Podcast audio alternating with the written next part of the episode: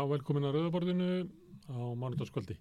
Það er margt í þættir mér kvöld, hérna í lokin að þá ræði ég við Sigurð Pétursson sem að held uh, magnaði reyndi í vorstjörnunni, alltíð húsi, sem er í bólholtinu á laugadaginn um, uh, aðkomu verkefnsreyfingarnar að, að húsnæðismálum á síðustu öll, svona vilja fram að okkar tíma sem var mikil en það eru húsnæðiskrafanum örugt húsnæði, ódyrt örugt húsnæði. Megin krafa verkefnsreifingarnar ekki bara hér, heldur út um allan heim. Það er ekki nóg að fá herri laun ef að það er ótryggur húsnæðismarkaður því þá geta okrararnir og braskararnir upp allan ávinninga ykkar. Förum við það með Sigurðu Pétursinni.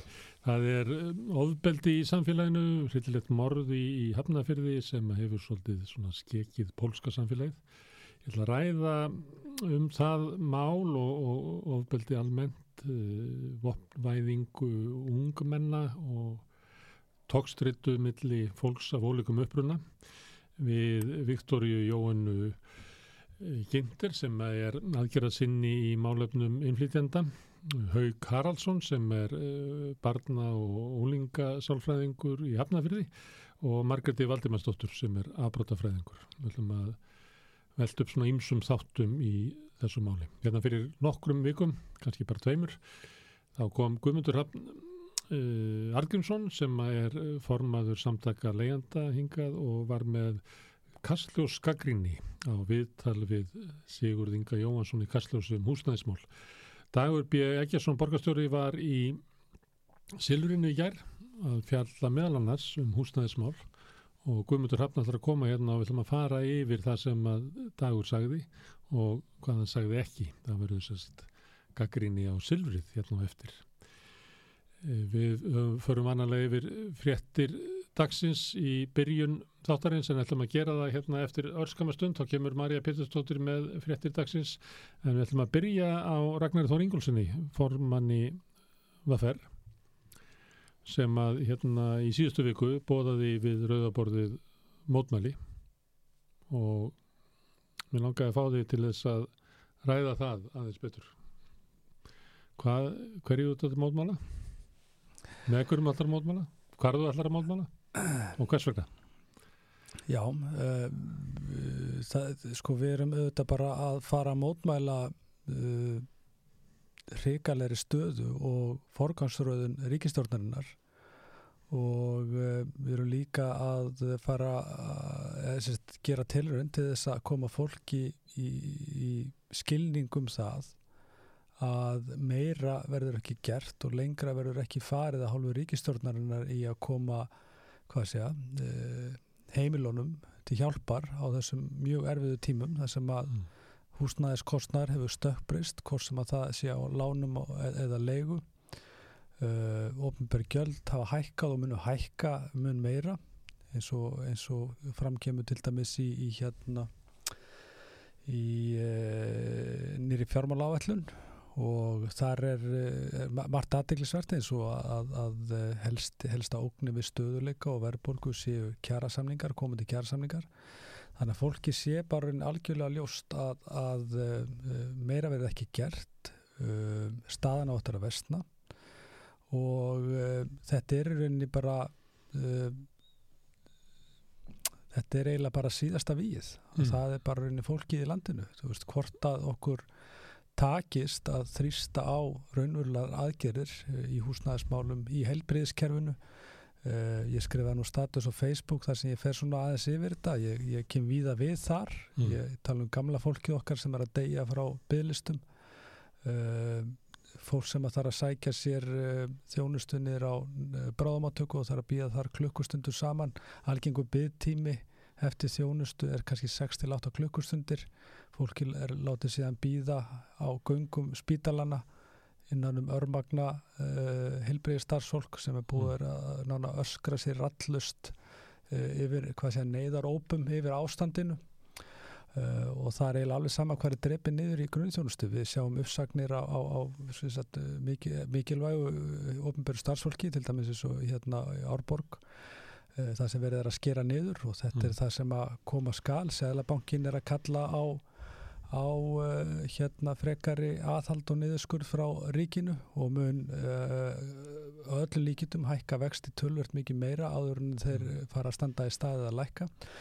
Þannig að staðan og bara til að vestna og, og um, ég hef nú setið svo marga fundi með stjórnvöldum uh, ég hef bara ekki tölu á þeim þar sem ég setið á fundi með Sigurði Inga, Bjarnar og Katrinu hvað sem að það er á, á vettungi þjóðharsrás eða, eða bara með þeim þremur mm. og, og, og okkur í verkefælisreifingunni og þeim finnst þau verið að gera alveg óbáslega margt fyrir fólki í landinu mm.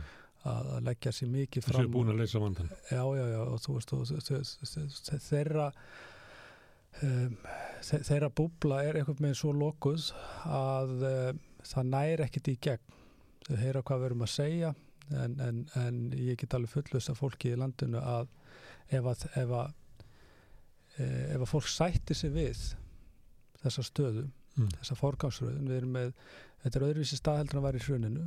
E, núna eru fyrirtækjan að græða á táfingri það var nú bara frétt í dag í viðskiptablaðinu það sem er nánast bara afkomi viðvörun í bankakerfinu, það sem er svo mikil tilfærsla á fjármunum frá skuldsettum heimilum og fyrirtækjum yfir til bankana í, út af stýrifastahækkunum að, eh, að eh, vakstatökju bankana hafa íla bara sjaldan eða aldrei verið meiri og er bara mm. aukast og aukast og muni aukast. Þetta er tilfæsla á fjármunum. Sem er af, afleðing af stjórnvalsadgjörð, hækkun vaksta. Það sem er ákvörðunum það að flytja peningar frá skuldurum til þeirra sem eiga peningara já, á bankana. Og, og ég, ég var síðan að kynna mér úrræðin hjá bankunum núna eh, í síðast í morgun. Þar eru sko bankunar að bjóða svona neyðarlán, svona til þess að redda hlutunum sko, það eru verið að bjóða fólki uh, lána á 11-15% af vöxtum uh, til alltaf að 6 ára. Og uh, þar er síðan er, er lántökugjald på 3% þú veist mm. þetta er Þetta er, þetta er bara þetta er bara, þetta er bara skipuleg glæparstarfsemi sem er að eiga sér stað. Mm. hér var verið að výja hér sko glæsilega steinbrita glerhöll hérna nýri bæ fyrir gróða síðustu ára. Og þetta er eins og því það er uh, sko mér er búið að vera misbúið lengi og, og ég er búin að átta mig á því í törfur langan tíma að við munum ekki ná utanu þennan vanda. Við erum að sjá fram á það muni, hér munir þúsundir heimila uh, tvöfalda eða meira greiðslubyrði þegar að fastir vextir renna sitt skeið bæði núni haust mm. og byrjun næsta ás þúsundir. Og uh, eina leiðin fyrir fólk til þess að breyðast við þessum stökkbreytta sko framfærslu kostnaði er að fara yfir í verðtriðulánin og það þeir sem hafa tekið námslán vita hvernig verðtriða umkörðið er.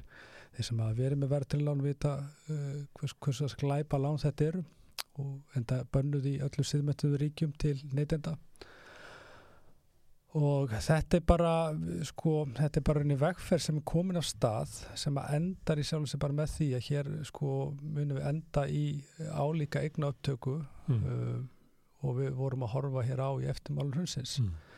og þetta mun gerast, gerast með öðrum hætti heldur en gerist á að Því að þú segir að uh, þið hittið ríki stjórnina fórustum er ríki stjórnaflokkana og svo heyra hvað þið segið en, en finna ynga kvötjásur til einhverja aðgerða. Getur þetta bent til þess að, að séu, eða stundum þú kannast við það, sagt tvær þjóðir í landinu, að e, þau séu fórustu fólk fyrir fólk sem verður ekkert varfið, ég minna eitthvað hækkar og eitthvað svona en, en séu einhvern sérstökum vandamálum og þau munu ekkert breyðast við nema þau heyri einhver skadræðis hróp frá hinum helmingum sem er að upplifa kjaraskerðinguna verðan verðbólkunar og vakstaðakanuna.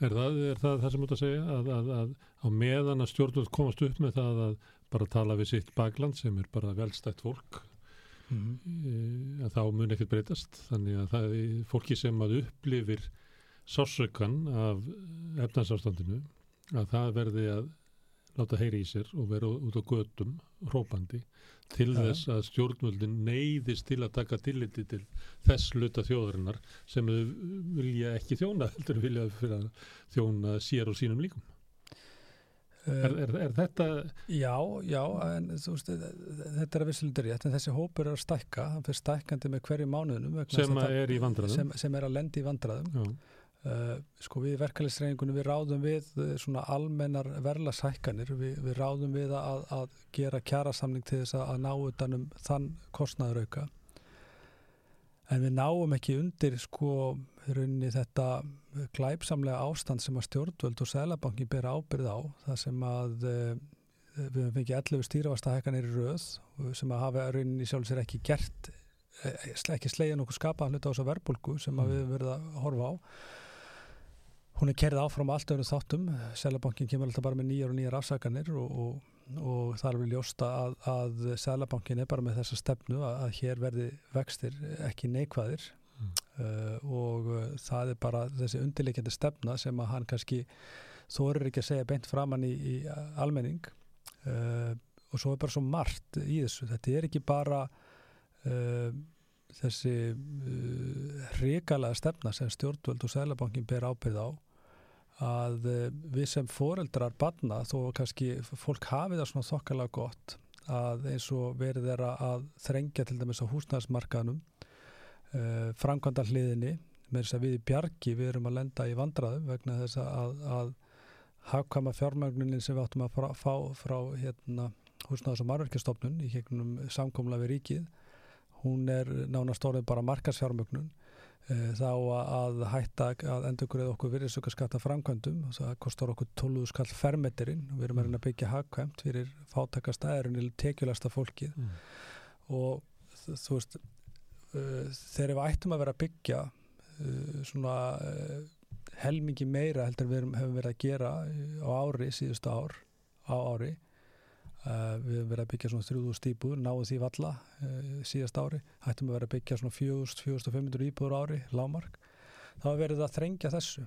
Það er bara framkvæmda munu draga saman, stór byggingarsvæði munu ekki fara í, í almenna, almenna segja framkvæmt eins og til dæmis í Kjeldnaholti, Blíkastæðalandi og fleiri svæðum fyrir, eftir fyrsta lagi þrjú ár. Mm.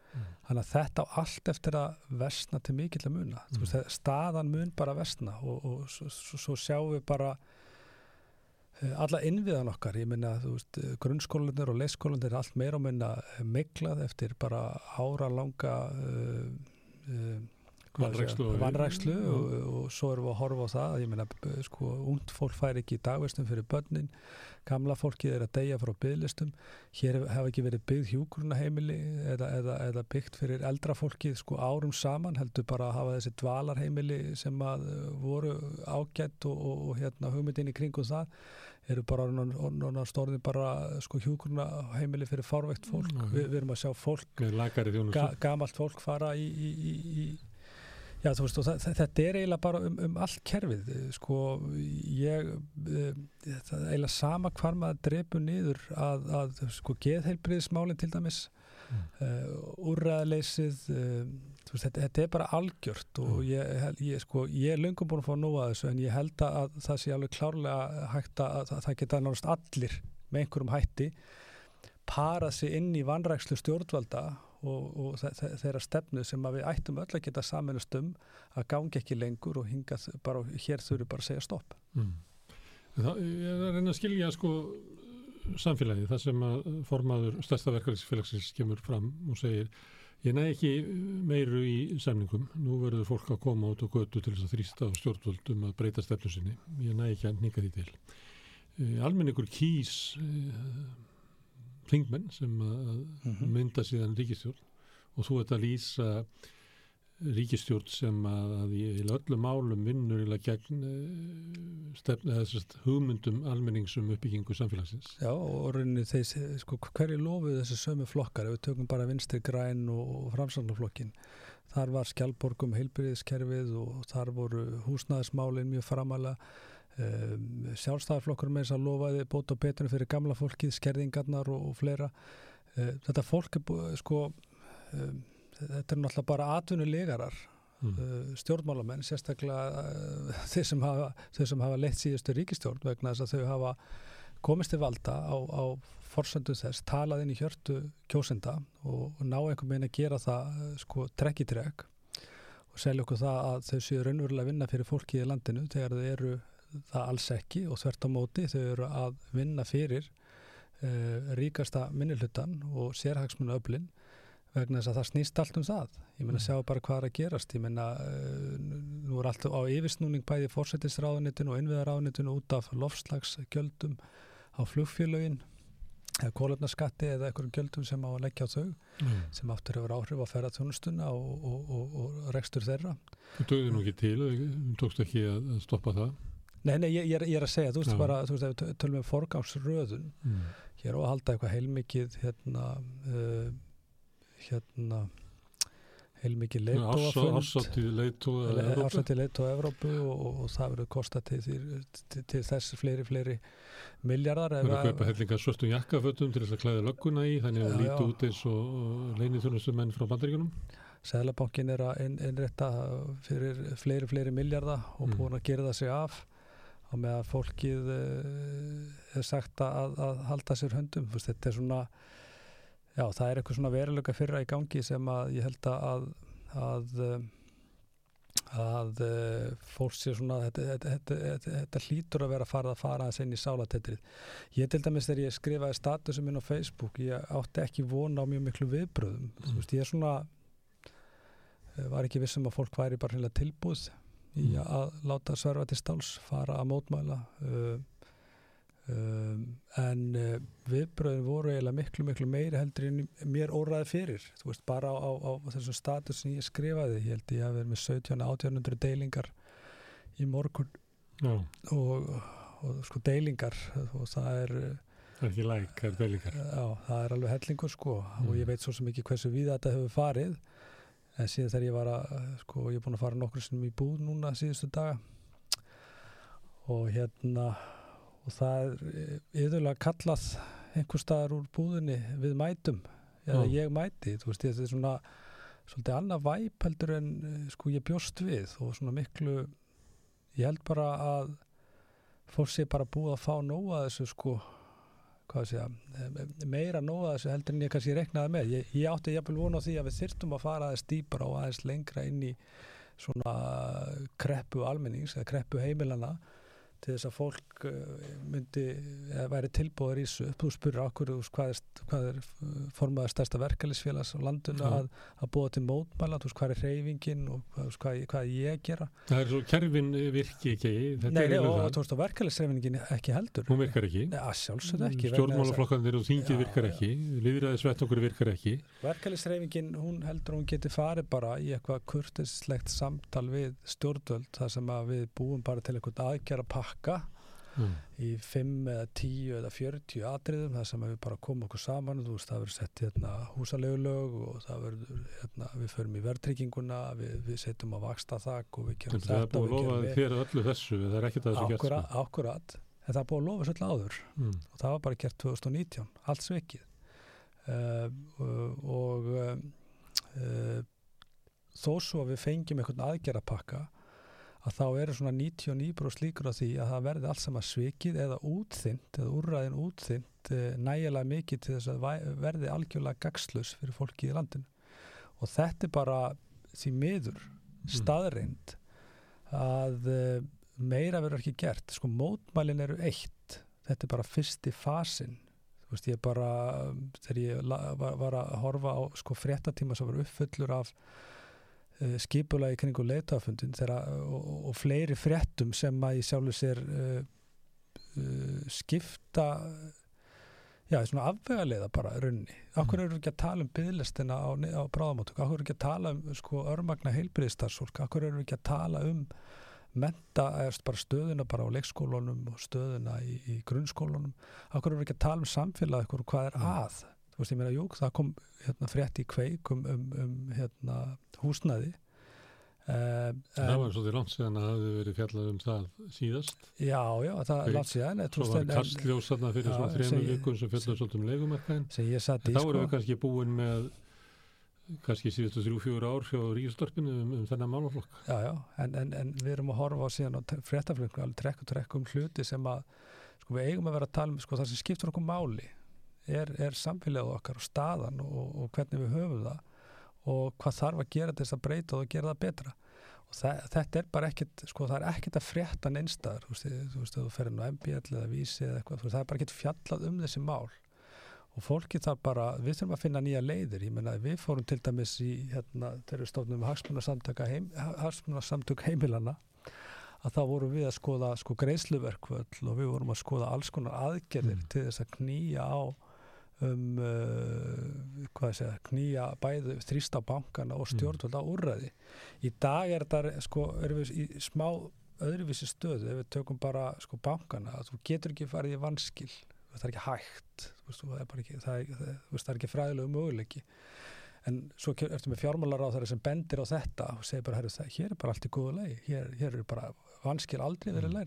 En þú getur ekki farið í vanskil ef það er eigi fyrir í, í húsnæði og fastegnum er það að hækka mjög mikið síðustu misseri þá þú veist, hefur öll möguleg úrræði og ég var að fara yfir þessu úrræði mm. aftur núna í dag. Þá getur bankinu upp eigið þér. Já, já, já. Þú, sko, þá getur það að ná húsnæði og hendur út. Ef þú hefur ekki efna á að borga óvertriða lánið, þá getur þú farið í, ef þú varst á jöfnum að borguna, þá getur þú farið í lánið, ef þú hefur ekki e, e, e, efna á að borga af því, þá getur þú endur fjármagnað á, á verðtriðu síðan þegar búður að geta upp eigi féð og þú hefur ekki efna á að borga því að þá getur þú fengið fristingar á afborgunum 6-8 mánuði leikandi og, og, og, og þær fara beint ofan á höfustólinn með vöxtum og öllu veist, og síðan getur þau tekið uh, með alls konar lán í gangi. Þeir eru búin að hækka sko hérna uh, uh, yfirdrættar auka möguleikunum yfirdrættarlánum og svo kallum eitthvað svona neyðar eða svona já, uh, lánaformu sem ég var að skoða í dag sem, að, sem er eins og ég sagði hérna upp á því þáttar 11-15% af vöxtum og, og 3% af láni Yfirdráttavextir á, á já, já, eru bara konir í 16 held ég. Og yfirdráttavextir eru sko eru herri þú veist, yfirdráttavextir bankana hafa verið sko jafnháir og, og hérna dráttavextir nema það að, að yfirdráttavextir eru reknaði mánæðilega mm. þannig að þeir eru rauninni sko herri, þú veist það er ótæðar hagstar að vera með sko uh, skuldi á dráttavöxtum heldur en að vera með yfirdrátt í böngunum mm. þetta er uh, sjálftakan og græðkin hún bara, þú veist uh, þetta er algjörlega botlust mm. Herru, mér nokkar að skilja þetta Við lifum í svo kallari vestrannu líðræðis samfélagi sem að margir trúa þessi besta samfélagi heimi með öfluga verkefælsreifingu En þú ert eiginlega að halda þig fram að þessi kerfi, ef að alminningur er ekki bara út á gödónum að, að, að þrýsta á stjórnvöld, að þá vinni kerfin, hvort sem að er líðræðiskerfið í tengslu við alþingi og sveitastjórnir, fyrir hérna hinna betursettu, hinna bestsettu. Og og verkefælsreifingin er ekki að, að hérna, bæta það upp. Er þetta ástand, hefur þetta alltaf verið svona? eða er þetta afleðinga því að, að, að kannski ef við færum 50 ára áttur í tíman 70 ára áttur í tíman að þá voru stjórnmálaflokkarnir meiri græsótasamtök og almenningur hafði meiri áhrif á stjórnmálaflokkana heldur neyri í dag þegar er, eru yfirleitt flokkunum er stýrt bara af fámennir í fórustu það er lítið græsótastarf í þessu þó að sjálfstofloknum nái að fylla lögðarsvöllin á einni svona sinni ásátið að annarkort ár. Mm. þá er ekki svona þetta er ekki sambærilegu flokkur og það var þegar hverfis samtökin voru hvað upplugust hérna út um alla Reykjavík og, og síðan e, kjördæmar át um all land. Og sama áviðið um verkefnisreifinguna hún var meiri græsótarreifinga heldur hún hefur orðið. Það eru mörg félög sem eru sára selta með félagsfundi og og ég veit að, að fólk bæti það upp með því að gera kannanir meðal félagsmennar sinna en það er allt annað, það er ekki aðkomað líðræði að fá eitthvað spurningalista frá vaffer til dæmis og svara því það er ekki, er ekki þáttangandi í uppbyggingu vaffer en spurningin er e, e, líðræðiskerfið okkar það virkar ekki nefn almengu sjótt á gotunum því að annars fara hérna, þeir sem hafa völdin að þjóna þeim sem eru með völdin og, og eru með auðin og þetta hefur alltaf verið svona eða það, hefur kerfónum okkar nýgna svona mikið að við getum ekki að, að samfélagi mun ekki byggjast upp eftir kröfum megin þóra almennings nema að almenningu sé brot og göttunum og hrópandi? Já, ég held að, að sko ef við tökum svona kannski stöðuna frá bankarhönnu þegar ég uh, fór á samt þúsundum mm, niður á Östuvöll mm, þar var verkalýsreifinguna hvergi að finna. Þar tóku stjórnmálin algjör, algjöra afstöðu með kröfuhöfum föllum bankana og uh, fórnuðu bara almenningi og heimilónum uh, með húð og hár. Uh, upp úr þe þeirri gras, grasrót erunni þessari búsaldabildingu var til til, voru til hagsmunarsamtök heimilanna sem hafa verið mjög virk og flott samtök.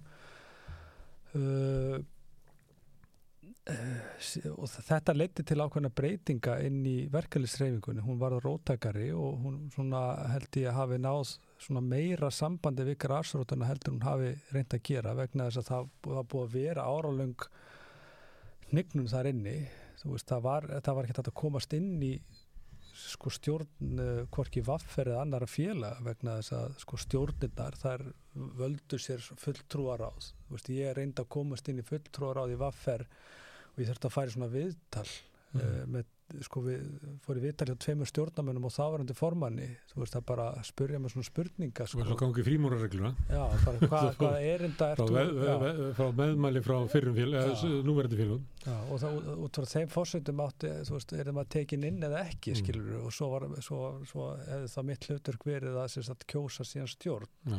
sem það var tala bara sama fólki það er típisk uppbygging uh, til þess að verja völd núverandi uh, valdhafa Þetta, sko, þetta höfum við náð að brjóta nokkuð vel upp með látum þó. Ég inn í Vaffer og, og Solveig Anna inn í hérna inn í eblingu og, og Viljum Birgisson gerir það rauninni upp á skaga með hallabildingu þar á sínum tíma uh, á undan okkur. Uh, en, uh, en kerfi sem slíkt þú veist þetta verkefælisreifingin alþjóðsamband Íslands og, og þú veist þessi svona sko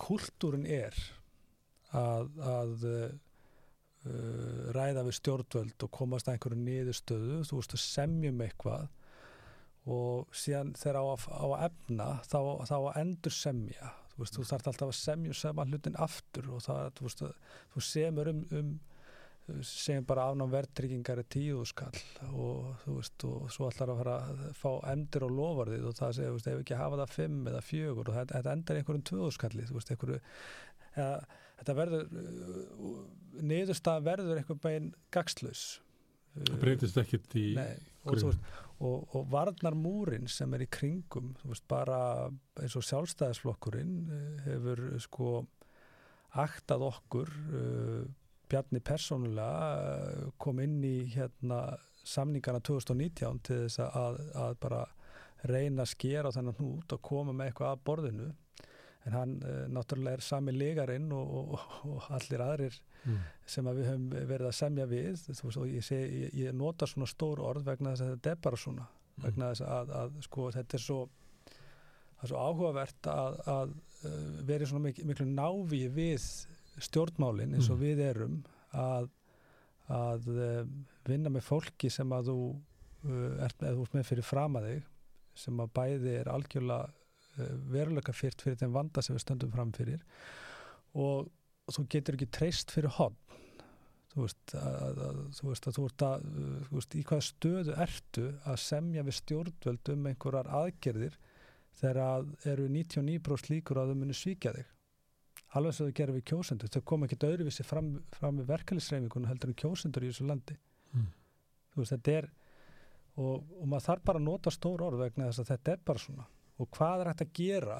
Uh, allir að bara láta teimað á astnæronum skiluru, þú veist á ég bara að taka þátt í þessum leik sem formaði starfsta stjættafélags og segja bara herði já ef við förum bara í kjara samlinga Mm. og þú veist, við gerum þetta eins og við höfum alltaf gert þetta við, við byrjum á þessum viðræðum, það eru komnar í gang og við ræðum styrtingu vinnuvökunar í næsta mánu og, og veikindaréttin og svo ta ta ta síðan er komið í desember og svo er allt komið í einhvern lás í, í januar þegar samninga fær að renna út og svo kemur februar og það er allt í einhverju tómu hérna stál í stál mm. og, og kvöld og nættufundir tímar og erfitt já, að semja um já, já, mjög mikil óvisa og, og svo les og mikil krafa á aðila vinnumarkaði sem geta hófs Sælabankin komin upp á tætnar og, og náttúrulega allir lobbyistar auðvaldsins og sérraksmunabla og síðan kemur ríki svona á loka metrónum með aðgerra pakka sem að, þeir setja á segjum bara 50-80 miljardar bara mm. aðgerra pakka til þess að liðka fyrir kjara samlingum og við skrifum undir allir rosalega sáttir vitandi svona einst inn í hjarta sinu að það er ekkert að marka þetta fólk og þessi samningur eða það sem er verið að lofa er ekki sko pappisins verði frekar mm. en annað sem hefur komið frá þessu fólki. Og þá er eiginlega bara kannski tvent í stöðunni, þú veist ámara að taka þátt í þessu og halla sér aftur, vera hluti að þessu, að, að þessu leikriti sem er háð ekki bara sko hálfu stjórnvalda heldur líka raunni af hálfu verkefælisreifingarinnar eða ámar einhvern veginn að, að koma bara þú veist svolítið uh, eh, reyndi dyrana gagvart sko almenningi og mínu félagsfólki og bara fólkin í landinu og segja bara svona er þetta. Og, og svona verður þetta ef að þið rýsið ekki upp. Ef, ef við getum ekki fundið mm. aðrar aðferðir þú veist, ég veit að veist, það leysir ekkit máli að fara nýri bæ og, og mótmæla og fella ríkistjórn, því að það kemur bara ný ríkistjórn og hún gerir það nákvæmlega það sama. Þú veist við þurfum að, þú veist það sem ég er að reyna og mun reyna að segja við erum ekki búin að móta þetta upp á sko punkt og prigg, mm. þetta er í vinslu það er óbúslega öflugur og flottur hópur og bakvið mig og með mér ekki á bakvið, með mér í þessu mm. og hann er að stækka, þú veist, við ætlum að fá fleiri sko, þú veist, ég ætla að sækja inn í róttaka arm hérna, verkefliðsreifingunar og þá er ég að horfa líka til ofnbjörnfélagana, kennaranna og, og, og, og helbriði starfsfólks og fleiri mm. bara. Það er óvanlega með hjókurnafræðinga komið ljós. Já, bara fá þau með. Einu atkvæði myndi verða á jöfnu. Ná, nákvæmlega, en mm. þú veist, þetta er mitt málið, þú veist, þurfum að veist, virkja fólki og það, þú veist, ef að fólki trúur því að uh, við getum náð betri eða meiri árangur með því að rýsa upp og þá, þá, þá, þá verðum við allavega að reyna vegna þess að hitt er ekki að fara að ganga. Og meðan þurfum við líka að reyna að finna veist, fleiri leiðir, ég meina það Guðmundur Hrafn hefur talað um það að, veist, að það hefur gert áhljóp á leigufélagin með, með því að debunara greiðslur sko. eins og gett við um heim eins og gett við um heim við þurfum ekki að finna upp hjólið mm. við þurfum bara að finna upp nýjar aðferðir og fá fólki með okkur það, mm. það, sko, ef, ef að það tekst ekki þá er okkur ekki við bjargandi Ragnar, ef að segjum að ég sé indriði og þú ert að hérna, gera þessar kröfur á mig að ég fari út á götu og, og bjargi uh, líðveldinu af því að það sé í uh, tröldsöndum og ég segi En, en Ragnar minn, þú veist, ég kaus Katrínu, hún átt að sjá um þetta þannig að niður á þingi og mm. ég er í Vaffer og þú átt að sjá um þetta. Hvað, þarf ég að gera þetta? Já, þetta er mjög góð spurning vegna þess að, sko, uh, ég er að reyna að fá fólki með mér, Já. alveg rétt, en uh, sko í kringum búsvallabildinguna þá fór fólki niður og það kallaði á stjórnmálinn, það, það var ákall á verkefælisreifinguna, verkefælisreifingin bara lokaði að sér og fór bara í... Já mínus sko en, en, en um, og það fannst mér niðurlægandi bæði fyrir verkefælisreifinguna og, og, og með sem greiðandi félag í, í verkefælisfélag að horfa upp á þá stöðu að uh, formen stjættafélagana þeir bara lókuðu sig af mm. og uh, þá var það öfut og þá, þá fer fólk út á gödunar mm -hmm. og óttastu sína afkomu og krefst breytinga og gerir kröfu á verkefnisreifingin eða stjórnmálfingin núna kemur þú að sjálfsögðu, sko, mér finnst það að vera mitt hlutverk að snúa þessu við vegna þess að verkefnisreifingin brást, hún á ekki að breyðast núna uh, uh, auðvitað getur við gert, við getum leikið sama leikin aftur og aftur, niðurstaðan verður eins hún verður mm. svo sama að, að ætla að hún verði eitthvað öðruvísi en alltaf bara geðveiki og það er alltaf bara mm. Eh, en, en, eh, en hverju svarar hún myndriða sem segir hérna, hvað á já. ég að gera þetta er það þannig Ekkit í nútíman samfélagi að ja. þú færði ekki gott samfélag nema þú sért bara vakandi í því að byggja gott samfélag ekkert frekar sko, þú veist, ég á ekki að þurfa að byggja fólk um að koma ef að fólk finnur ekki hjá sér að, að, að, að það þurfi að hafa fyrir því að mm. berjast fyrir breytingum að uh, þá þá mun bara staðan versna alveg þá til að, að sé, staðan verður orðið það slæma að það drýfur fólk áfram. Það sem ég er einfallega að benda á, við getum brúðist við áður en að staðan verður sko það slæm og hún verður íll við ráðanleg, hún mun vestna. Við höfum hérna tækifæri að byrja að, að, að skerpa á okkur, um, bóða til mótmæla, uh, fara í frekar aðgerir, sína til dæmis alheimunum að staðan sé ekki döðurvis í hérna heldur við þess hvar á Norðurlöndunum í Evrópu og hér er bara framfærslu greppa, mjög alveglegt ástand. Og, uh, og hér þurfi bara fólkið að rýsa upp vegna þess að, vegna þess að við erum ekki með lausa kjærasamlinga við getum ekki farið í verkvöld fyrir í, í janúar á, á næsta ári. Mm. og hvað mun gerast fram að þeim tímapunkti? Þess vegna þurfum við að fara þess vegna þurfum við að fara fram strax vegna þess að þeir sem er að borga 300 skall í leigu dag leiga verður komin sko upp um 30 skall jafnvel meira eftir 12-13 mánu að spyrja svo eindrið ég átsósaði valdi mínu með hangagreifðu mínu, ég kaus Katrín Jakobsdóttir hún lofaði mig jöfnuði. Og ég kaus hérna Ragnar sem formann var færr, hann lofaði mér að berjast fyrir hérna, bættum kjörum mínum. Mm -hmm. ég er búin að átsósa þessu. En svo núna kemur þú og segir að það, það dýi ekki, heldur verði ég að vera líka með potti minn og pönnuna eða kröðuspjaldi mitt eða... það bara dögur ekkert minna til Þannig að við, við munum ekki fá gott samfélag hérna nema að fjöldin sé virkur þáttakati. Þú getur, þú getur ráðið einhvern veginn að kosið einhvern til þess, til þess að leiða uh, stort verkefælisfélag en hann er og verður aldrei sterkar en fólki sem er á bakveg og tilbúða fylgjónum mm. og það er bara, það er bara okkar samningstaða uh, hjá samtökum, uh, gegn samtökum aðlunlýfsins, gegn stjórnvöldum er fylkingin sem er mm. tilbúin til þess að fylgja sér á bakuð okkur. Og þetta er ekki bara sko, skuldbindingin í verkefælisfélagi þetta þú þarf að vera tilbúin til þess að leggja niður störf. Og það er bara meira átt og mikil ákvörðun að fara í verkvall og leggja niður störf ef við náum ekki okkar fram. Þetta er miklu auðveldara. Að saminast uh, um uh, einhverja svona grundvallar breytingar í okkar samfélagi með uh, breyðfylkingu af fólki sem er tilbúin til þess að berjast fyrir þessu, okay. ólíkum hópum og þetta er bara, þú veist, okkur berurinn í samfélagslega skilda til þess. Mm. og það er eiginlega ótrúlega, þú talaður í byrjun þáttarins um það að það séu bara þeir sem hafa það skýtt og eru, eru í vandræðum. Þetta er ekki svo, ég meina við erum líka með fullta fólki sem að á börn sem að mm, er búið að útýsa frá húsnæðismarkaði fyrir lífstíð. Mm. þau sjá bara enga framtíð sjá enga framtíð, mm. þau eru með börn í námi sem að sjá ekki framtíð hérna á Íslandi að koma hérna heim vegna þess að þú veist fyrir að fyrsta fá ekki íbúð eða fá íbúð og þá bara þú veist þá er ekkit eftir skilur mm. þú veist þetta er sko staðan er bara hún er orðinslæm en þú veist mm. stóra spurningin er hversu hver, hver, hver, hversu slæm verður hún ef við gerum ekkert Já, sko, ég meina, sko, fyrir mér er þetta bara spurningum bara, þú veist, hversu mikil er þrælslund þjóðarinnar, mm. veist, hvað þurfum við að láta þetta, sko, ganga lánt, þanga til að þetta springur svoleiðis í andlitið á stjórnmálunum að hér verða 7-8 þúsund manns nýra á Östuvelli. Mm. Ég er tilbúin til þess að fara nýra á Östuvelli, mér er, mér er alveg saman þá mæti 5.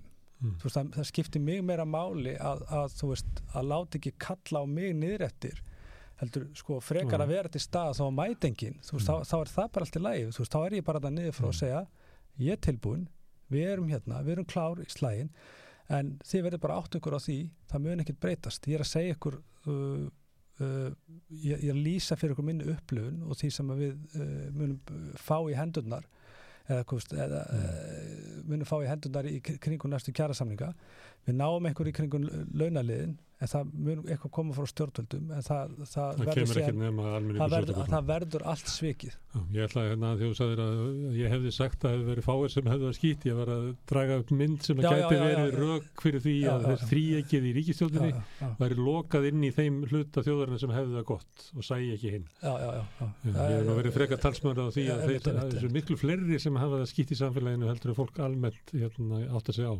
Já, ég held að... Við vilja halda að væri sko þrýðjungur af þjóðinni sem hefði það skýtt, þrýðjungur þar fyrir ofan sko þegar á leiðinni þangað, það getur lendar, það minnstu áfall. Ég, ég, held að, ég held að þetta hlut að sé, sé að þetta er helming. Ríkistjórnum er sannanlega í einum, hérna, ríkistjórnum hins þrýðjungsins, þannig sem svífur ofan á og er náttúrulega mest að þjóna þeim sem er alltaf. Ég byrst afsökunar af þessu.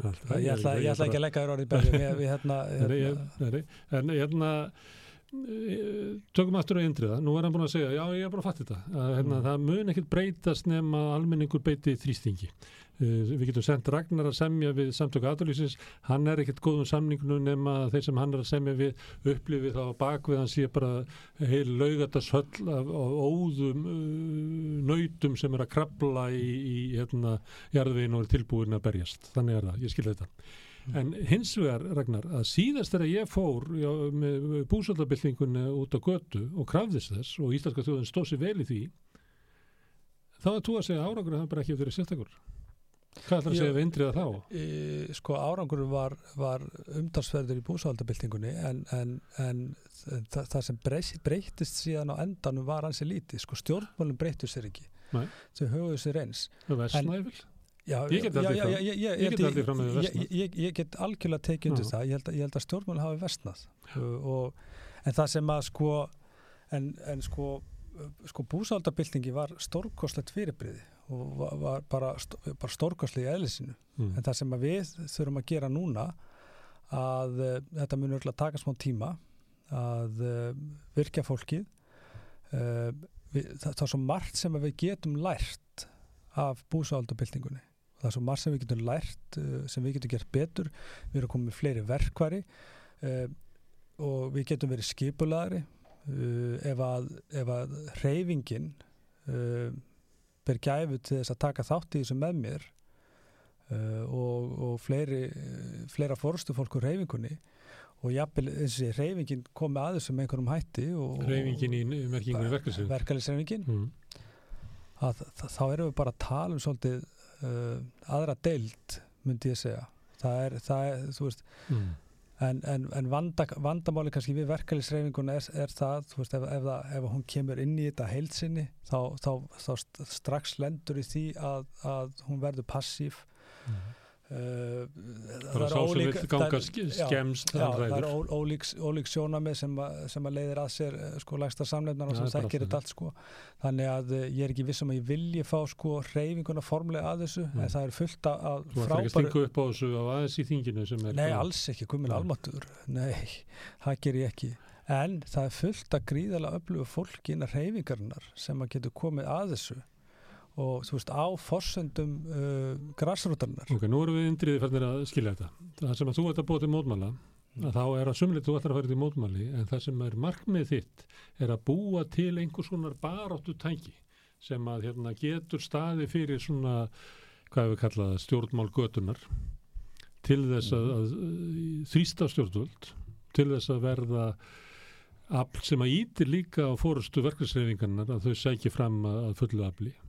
Ég er að búa til Þannig að þú ert ekki bara að búa til einn góð mótmæli heldur, Nei, nei, nei, ertu til í að fara einhverja langa leið til Já, þess að já, byggja já, upp þetta, alvöru skriðdrega. þetta, þetta snýst um að leiða saman öflugasta baráttu fólk landsins hvort sem að koma úr verkefælisreifingunni koma úr um, félagsamtökum eins og leyendum eða hagsmannarsamtökum heimilana það er líka eitthvað stjórnmálafólki að núti sem er gríðalega öflugt og, Mm. og ég geti séð í þessu þetta er bara að leiða saman okkar, okkar öflugasta fólk til þess að uh, leiða fram einhverja baráttu sem að, sem að getur leitt okkur síðan í það að ná einhverjum árangri fyrir fólki í landinu vegna þess að hann er ekki að fara að nást í samtali við stjórnvöldi gegnum verkefælisreifinguna Mm. það, það, það, það hlýtur að blasa við öllum Mm. Nú segir við að Indrið sé að hlusta og segir þú, ég vil taka þátt. Hvernig gerir hann það? Er það svona eins og að þegar þú sóttur um í fulltrúaráðum í, vafður? hann kemur í viðtal við okkur og svo hérna, já nei, Já. Indri minn þú, hérna, þú verður aftast hérna.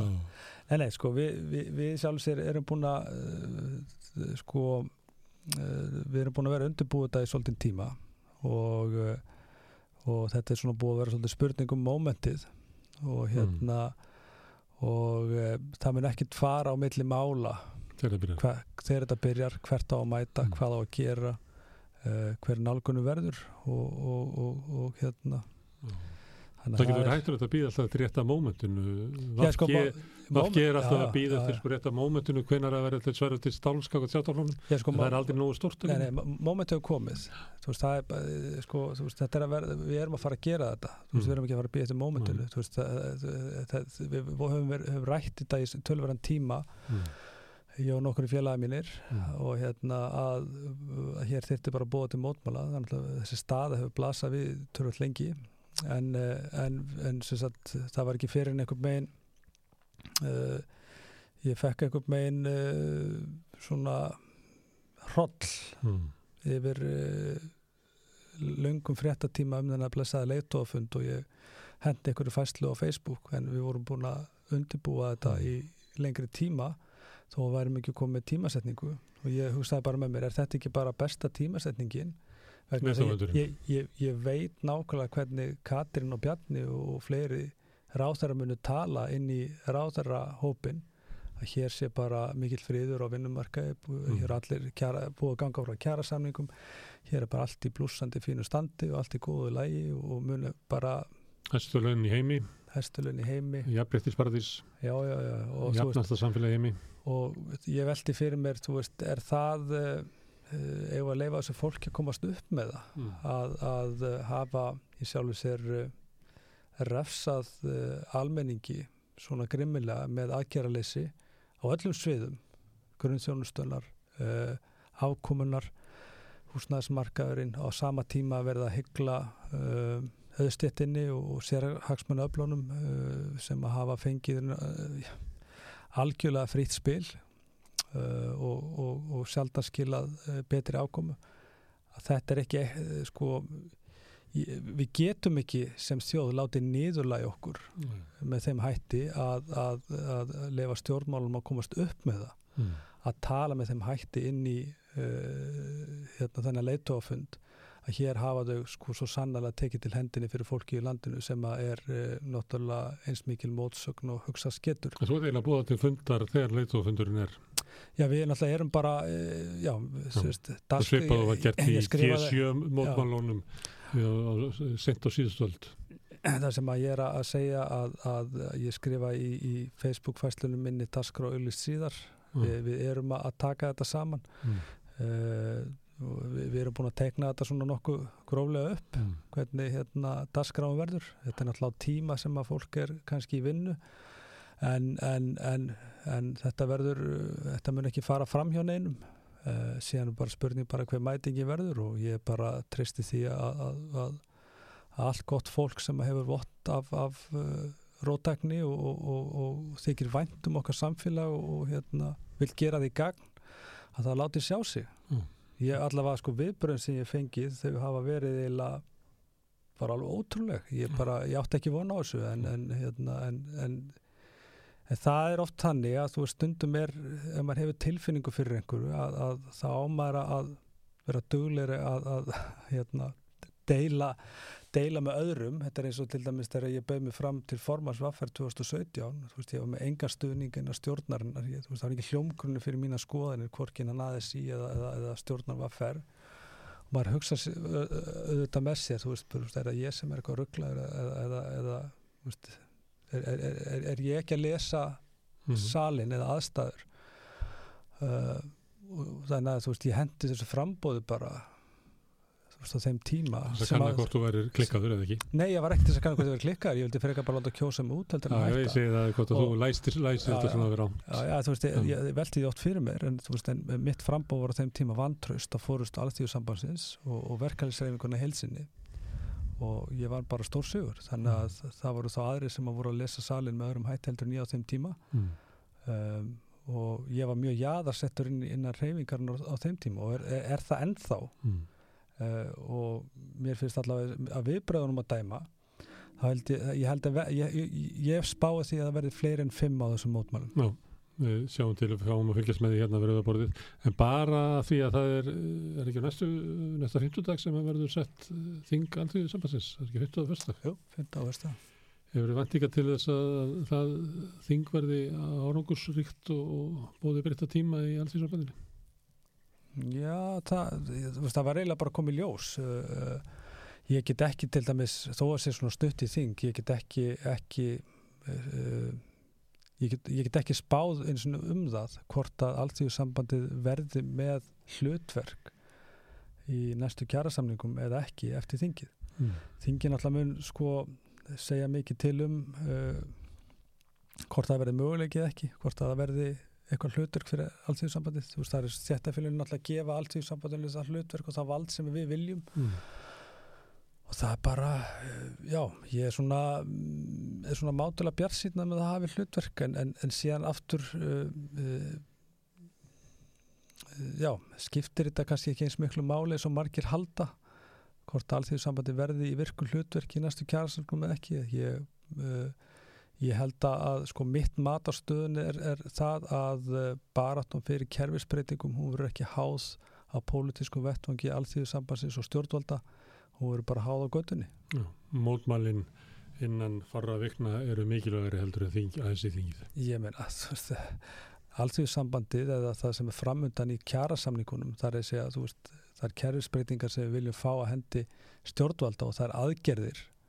Uh, við munum ekki ná, þú veist, við, ná, við, við náum engu í, gegn, í gegnum þetta samtal. Það, mm. Þú veist, þetta er full reynd, þessi fólki er ekki treystandi, það þarf að þrýsta því uppi vegg með öðrum hætti og það gerum við bara með rótækara aðgerðum heldur en uh, við erum að gera í verkefælisreifingunni en, en, en hafa virkað áður.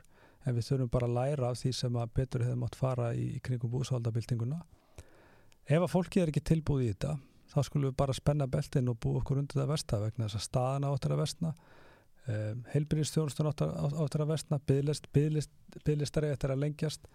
Uh, framkvæmdir á húsnæði munu draga saman, lega mun hækka lánin munu hækka ennþá meira. Veist, þetta er bara það sem er að fara að gerast og þetta er bara því miður. Það er leðilt að segja ég, veist, þetta er bara í höndunum á fólkinu. Mm. uh, Góð að gera það. Ragnar, kæra þakkir. Sjáumst í mótmælunum. Og við snúum okkur að næsta máli hér við rauðaborðið eftir augnablik Er rétt að greiða lámarkslaun fyrir hámarks ábyrð? Til að manna mikilvægustu störfin þarf mannsæmandi laun, ebling, stjættafélag. Samstöðin er í eigu hlustenda, áhorfenda og lesenda. Þú getur átt samstöðina á samt öðrum félögum í Alþýðufélaginu. Þú getur gengið í Alþýðufélagið á samstöðin.is, þar er nappur sem segir skráning. Með því að ganga í leyendasamtökin stiður þú bara áttu leyenda. Leyendasamtökin eru fyrir alla þá sem vilja berjast fyrir réttlátu húsnæðiskerfi. Leyendasamtökin.is Já, herðu, hrætti dagsins á vittlisur tíma, við byrjuðum á vittali við Ragnar, Ragnar á að verða vittal. Herðu, en ég skal við ekki neitt að ég var ekki á landinu í nokkra daga, mm -hmm. en ég veit ekki hvað er að hrætta. Nei. Ég er búin að vera fullu við að undirbúin að þátt hérna frá því lendi. Já, einmitt. Það er, það er náttúrulega eh, kannski svona aðalmálið sem var í gangi um helgina var þetta mandrapsmál í Hafnafæði. Já, ég hef með góða gæsti hérna að ræða út frá því máli. Já, einmitt. Um, hérna, með afbrótafræðing og, og sálfræðing Já. Mm -hmm. og pólverja.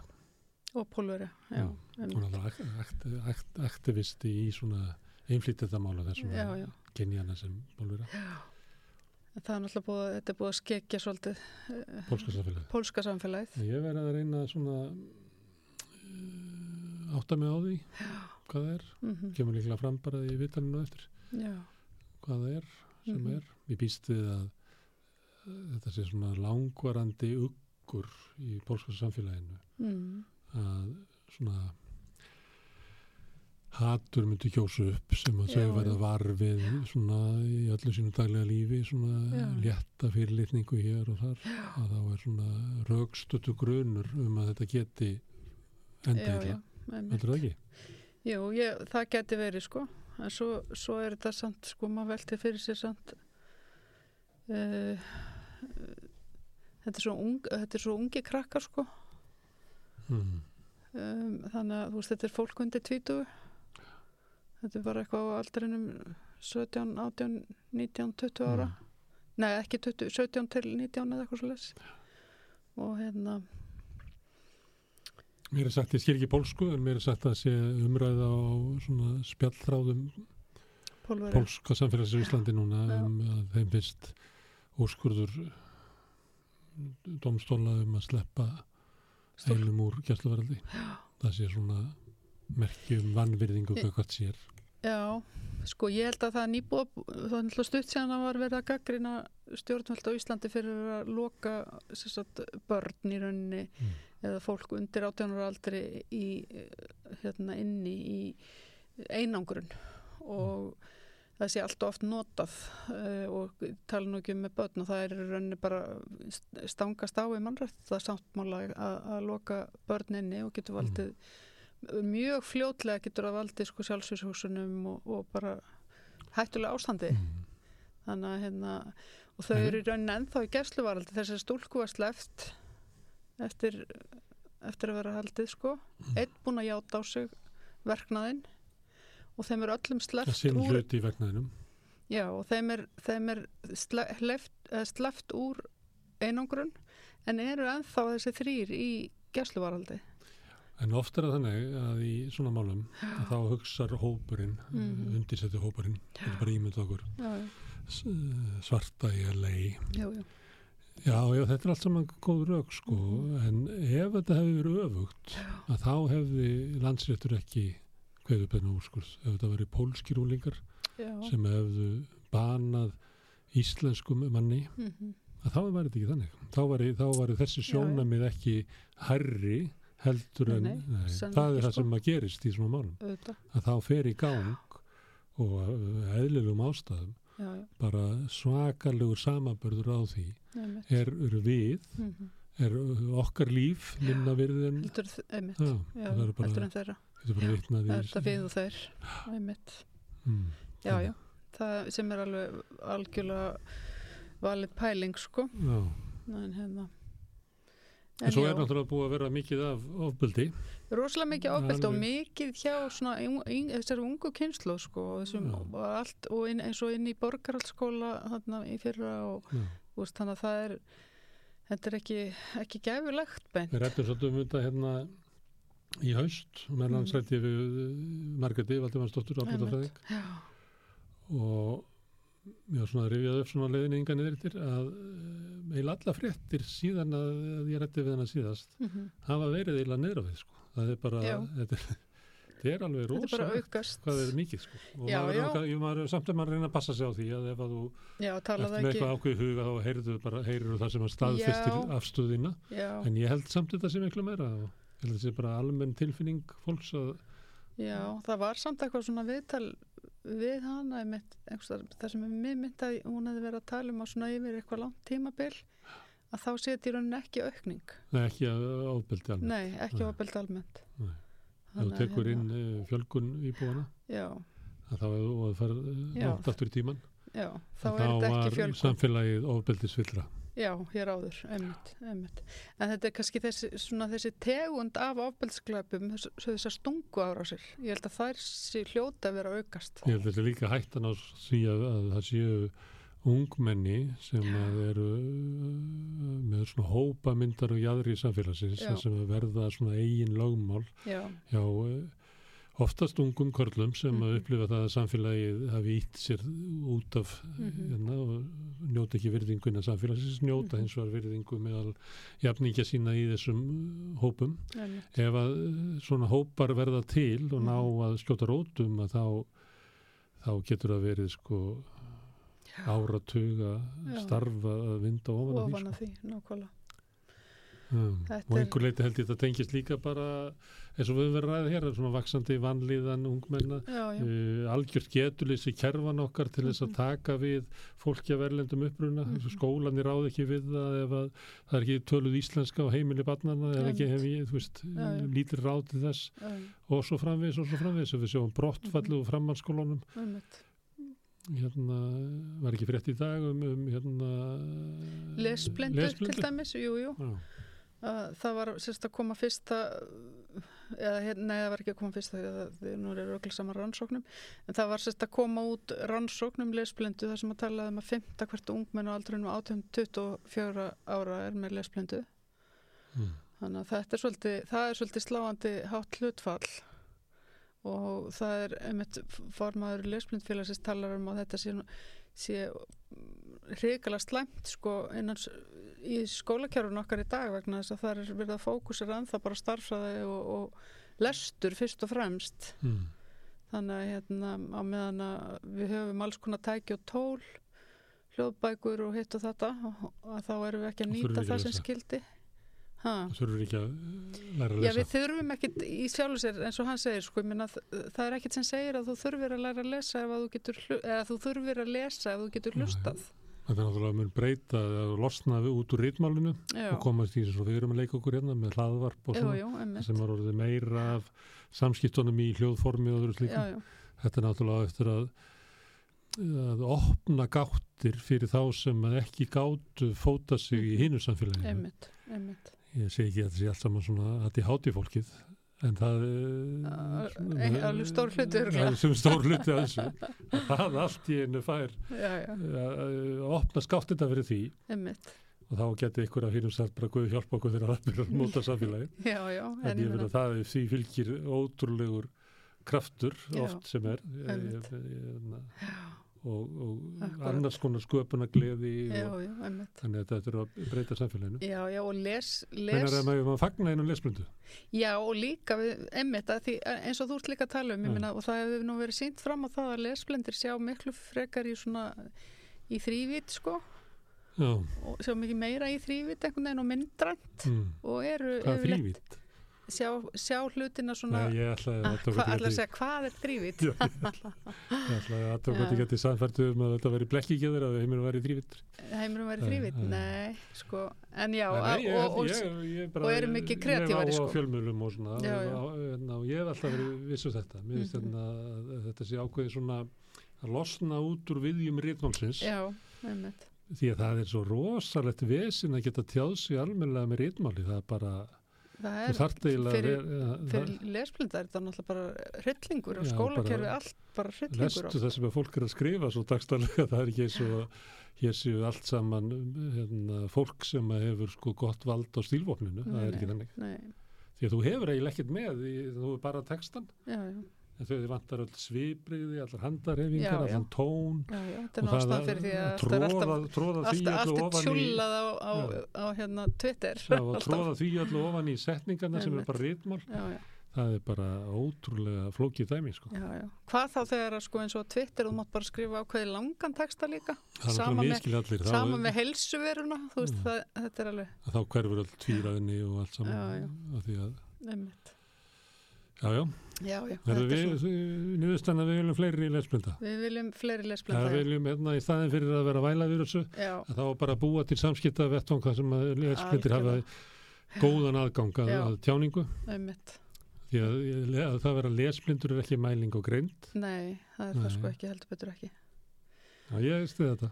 Já, herðu, næsta frétt. Ebling uh, samþykti einróma að halda alls herri atkvæðagreðslu Já. um úrsögn úr starfsgrannsambandinu. Hvenær verður það? Það verður bara, núna fljótlega, það ætla bara að fara hjóli í þetta. Já, það verður það er líklega búið þetta með einhverjum tíu dagar fyrir. Ég þannig að hugsa að þetta sé er einhver svona lög, lög um það, já, einmitt. Og stjórnin og trúnaráðið mælir líklega með því að fólk Ég vantala, Mm. Þau eru allavega, þá, uh, þetta verður mikil tíðindi að dagsmún gangi og verkamannasambandinu. já, Þá verður starfsgrunnsambandi verður eiginlega þá svona landsbyggðar samband. nema að það er eitt sem er skrítið við það. Hlýf í hafnafyrði Mm, verður þá í, í, starfsgrunnsambandinu. Í skrítið að- breytist bara í dreipuli, nei. Skrítið að ebling og hlýf það er ekki búin að saminast. Já, já, það er alltaf mjög skrítið. Ég spáði að það muni gerast eitthvað tíman og Já. líka að verkefnisfélag keflavíku muni saminast inn í eflingu. Já, heldur það? Ekki, ég er ekki að lesa út frá sko fórustinu núna. Nei, Ég held bara að sko, þetta er svo, þetta er svo lík vinnusvæði já, uh, að ég held að verði þenni sko. einmitt. En, og, og, en ég held að uh, það, þetta er ekki að vera gerast á morgun, það er bara langt í frá. Því að ég held að hlýf sé alveg hérna hinum megin í- og ebling hérna megin í, ba Í átökun, baráttu- átökun Já, einmitt, einmitt. En, eh, Ég svona bara áttu aðferðunum á því. Já. Herðu, það er kannski framhald af þessu að þá skrifaði Stefán Ólafsson uh, status uh, í dag á Facebook uh, sem að fjallaði með mitt á samstöðinni um að það sé bara lígi að laun á Íslandi séu með hæsta móti. Já, Já. og hvað að hann, við erum held ég, ég held að við kannski fáum við bara línuritt upp, upp á skjáin. mm, fyrir þá sem að Já, fyrir það sem eru vilja skoða. Að séum ekki, í... ekki, ekki talnablindir Nei, fyrir þá sem er ekki talnablindir. sem er stór hópur sko. Það munur á lesblindum og það- talnablindum með það, mínu upplifun er svo að þeir sem eru talnablindir eru svona stoltari af því eiginlega. Að vera Já, talnablindir. að vera hérna, uh, þólikili starffræði og eitthvað svona. Já, það getur Það verið. er kultúr fyrir því. Það ok, en hvað er. Ísland þannig? Það er bláa línan. Herðu, já, við erum þarna bara í Já, Ítalíu. 15. sæti eða eitthvað svo Undir, rétt undir, undir, undir Ítalíu. Já, já, já. Þannig að hérna, þetta er frá Eurostat. Já, þetta er með launa þetta gjöldum. Með kaupmáttarjöfnun. Já, sérst, það er atvinnureikund talaði um að laun séu eh, sérst, með hæsta móti, segir hann. Mm. Og þetta er bergmálað út um allt hins vegar er verðlag á Íslandi og í Sviss það hæsta sem þekkist Já. og hérna herra verðlag eigur hagna fyrirtæki og rýri kaupmátt almennings Mm. og svo þegar launakostnaði fyrirtæki er skoður og teknir tillit til verðlags þá er útkoman svo að Íslandi er í 15. sæti en Já. ekki einum af eftir sætunum Þetta er þá eiginlega mikla mjólk eða ost eða, Já, eða timbur eða hvað sem er, fólk getur keift fyrir launin sín. Já, þá erum við hann á milli Ítalíu og Spáns, Spánar. spánar Við erum ekki hluti af Norðurlandunum eins og Nei. fólk hefur haldið. Nei, Heldur erum við miðjarahafsþjóð já, við erum Slóvinni og erum á leiðinni Kýpur. að verða Austur-Europa. Já, við erum á leiðinni til Austur-Európu Við lendum hann líka á sama stað þegar spurtum... Serðu bara hvað stutt á milli Póllands og Íslands þarna sko Já, en það er uh, fjölgun uh, fólks frá Pólandi ekki Nei, hún, Ég- hún hefur hægt á henni hægt sko. á henni. Það kemur freka fólk frá. Rúmeníu og, og svona Já. löndur sem að standa veikar. Samt erum við sko nær þeim löndum heldur en sko fyrsta sætinu. Mm. Þannig, að- Það er í öðrum skala þar sem við lendum á þessu svæði. Mm. Það er spurt um uh, hvort að fólk upplifið að lifi í spiltu samfélagi já, og líka hvort að fólk hafi traust á, á stjórnvöldum. mm Uh, þá erum við eiginlega ekki Norðurlanda þjóð, nei, heldur frekar Suður-Európu þjóð einmitt, eða Austur-Európu þjóð. nákvæmlega. Ok, Einmitt. Já, þetta er mjög aðteglisvert. Herðu, já, uh, Jón Gunnarsson bóðar reglugerðabreitingar í útlendingamálum. Hann gekk svo ætlar- vel hann með byssunar. Já, Hann gæti bara breytti í með reglugjörð. Þannig hann ætlar að vera eins og fórseta bandargerðunum stundum bara breyta samfélaginu með reglugjörð. Já, þetta var svolítið svona, sko, Sigmundur Davíð var eitthvað að bauna á hann, sko, Já. og Það er alltaf í samkjörni hvori meiri svona, hver er harðari kakot innflytjandi. Já, þeir eru í stanni og Inga Sæland náttúrulega með þeim líka stundum. Já, ekki alltaf hann í þingi sko. Þetta gerist alltaf hann í þingi. að Sigmundur kemur og sperri sig svolítið Já, já, og þá kemur Jón og sperri sig á móti. já. Þá Þetta kemur Sigmundur og sperri sig meir og svo kemur Jón og Já, sperri sig allra mest. einmitt. En hann ætlar sér að, að reyna setja einhverja reglugerð þannig að hann fái útlendingana til þess að vilja fara tilbaka.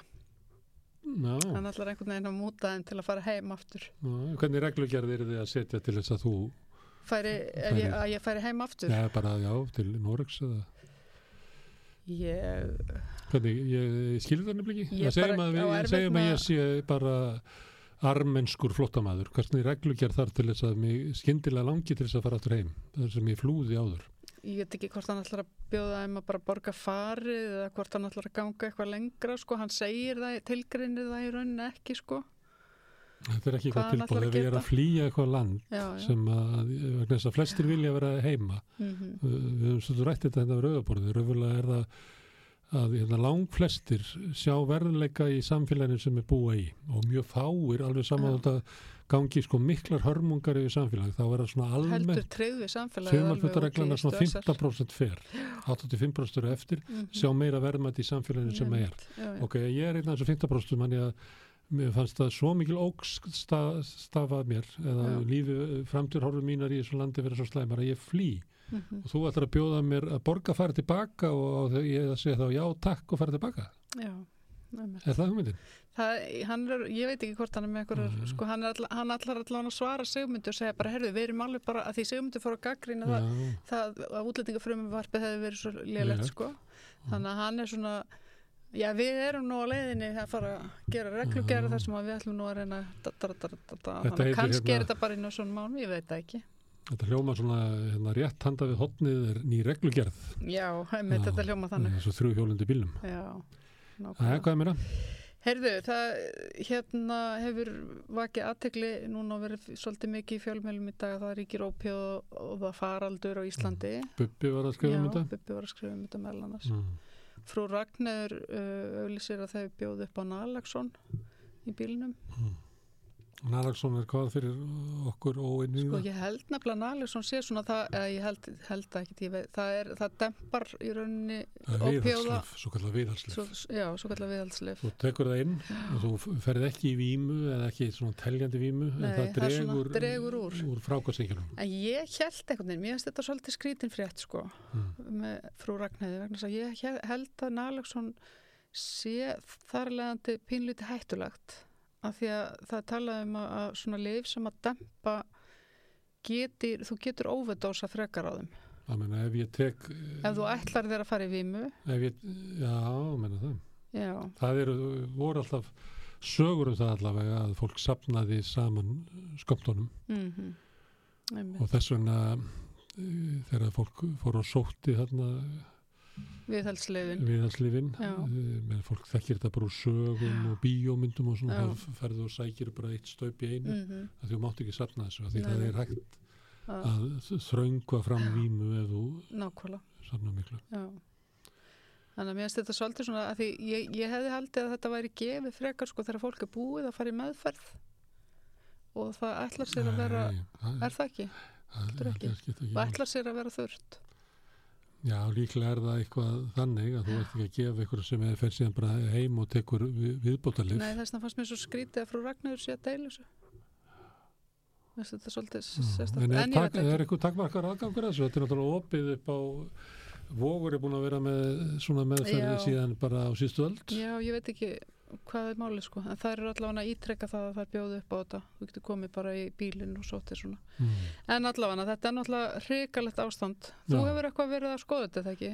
Ég, ég talaði nú við hann Jón Alla Já. bróður hann sem dóa svona overdós Já, og var svona að kasta út í hvort að fólk verið til að segja sögu já, ætti ekki að sinna sem hefur dáið. Já, ég, ég, mér finnst þetta að vera svona svipuðum stað og bara manstu þegar AIDS var að byrja Já. við vissum aldrei hverju var sem að Nei. dó og svo las maður minningagreinar og þá dóu menn úr beinkrabba og eitthvað svona Já. allir vissu kannski sem og það sama má lesa úr minningagreinum og sumra þegar maður hafa dáið af uh, overdós af Mm. opjóðum að svona láti í, í það skína sé eitthvað annað já Og ég held þetta breytist ekki- skömm í gangi Ég veit það, en, ég, en eins og veist að þá breytist ekki skömmin fyrir en að einhver kemur og Nei, nei, og svo kemur annar og nákvæmlega. brýtur ísinn og svo Já. brjótu við bara ísinn. Já. En það er eiginlega ekki hægt að gera það nema við fáum andlit á fórnulömpin mm -hmm. og að við upplifum, af því að þegar ef það er ekki, mm -hmm. að þá eru hérna fólk að selja sér alls konar frá hugmyndir, já þetta eru bara, þetta er eins og í hérna COVID, þetta var allt fólk sem hefði að Já, það var allt bara eitthvað gamalt fólk, það var undirliggjandi, allt er eitthvað undirliggjandi Já, eins og það ætti bara að skilja þetta já, og, en, uh, og í þessu tilfellu þá fær svona fólk hugmyndunum að hérna, það hefði verið ekkert hægt til þess að fyrirbyggja döðsföllin. En ég held að ef þú, ef þú heyrir sögurnar mm að þá áttur að því að það er bara sannarlega svo.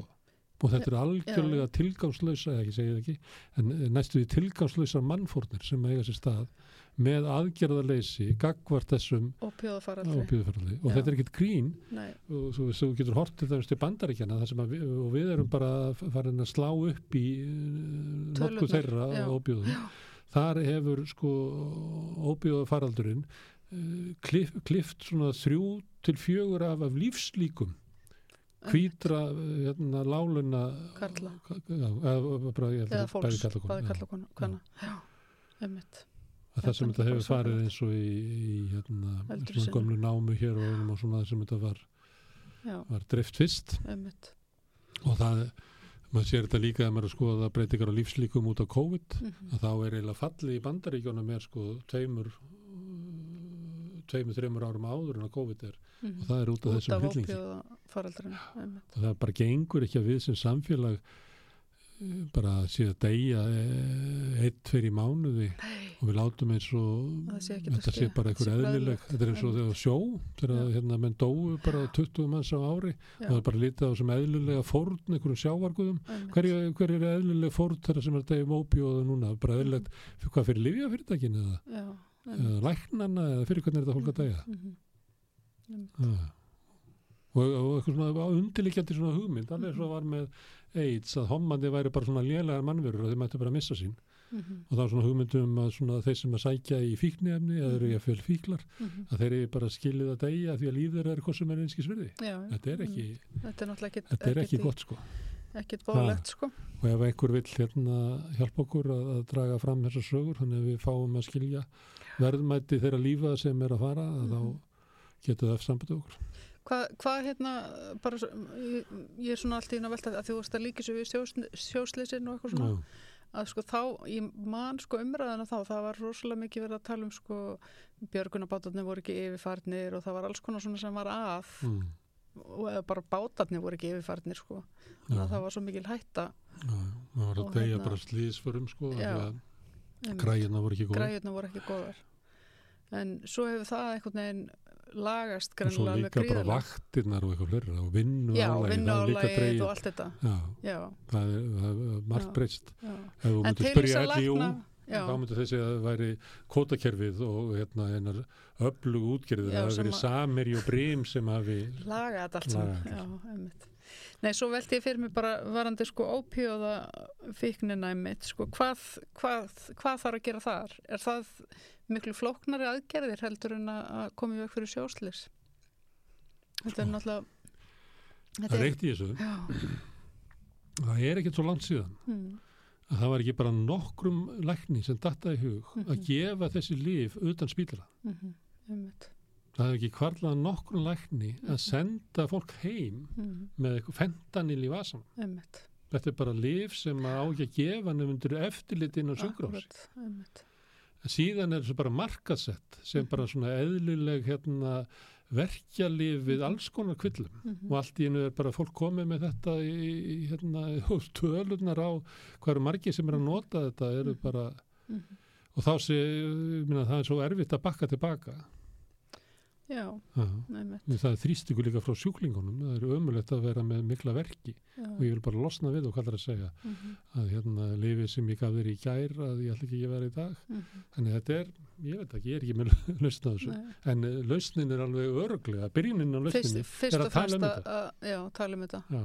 Mm Einmitt. og við skert- eigum náttúrulega ekki sætt okkur við það að einhver livja fyrirtæki í bandaríkjónum Mhm, nái bara að breyta samfélagi okkar þannig að bara allar hugmyndir Nei. okkar um bara sársauka og hérna hvernig við tökum á við honum mhm, það séu bara umbreytt og allt í þessu allir komnir bara með livjaskápin og gjörgjastlutildin í vasan þetta er bara, þetta er ekki lægi mhm, einmitt, og ég menna hver er afleiðingin af þessu? Mhm, hún er þetta. Og fólk er bara að deyja þessu. Mhm, hmm. nákvæmlega.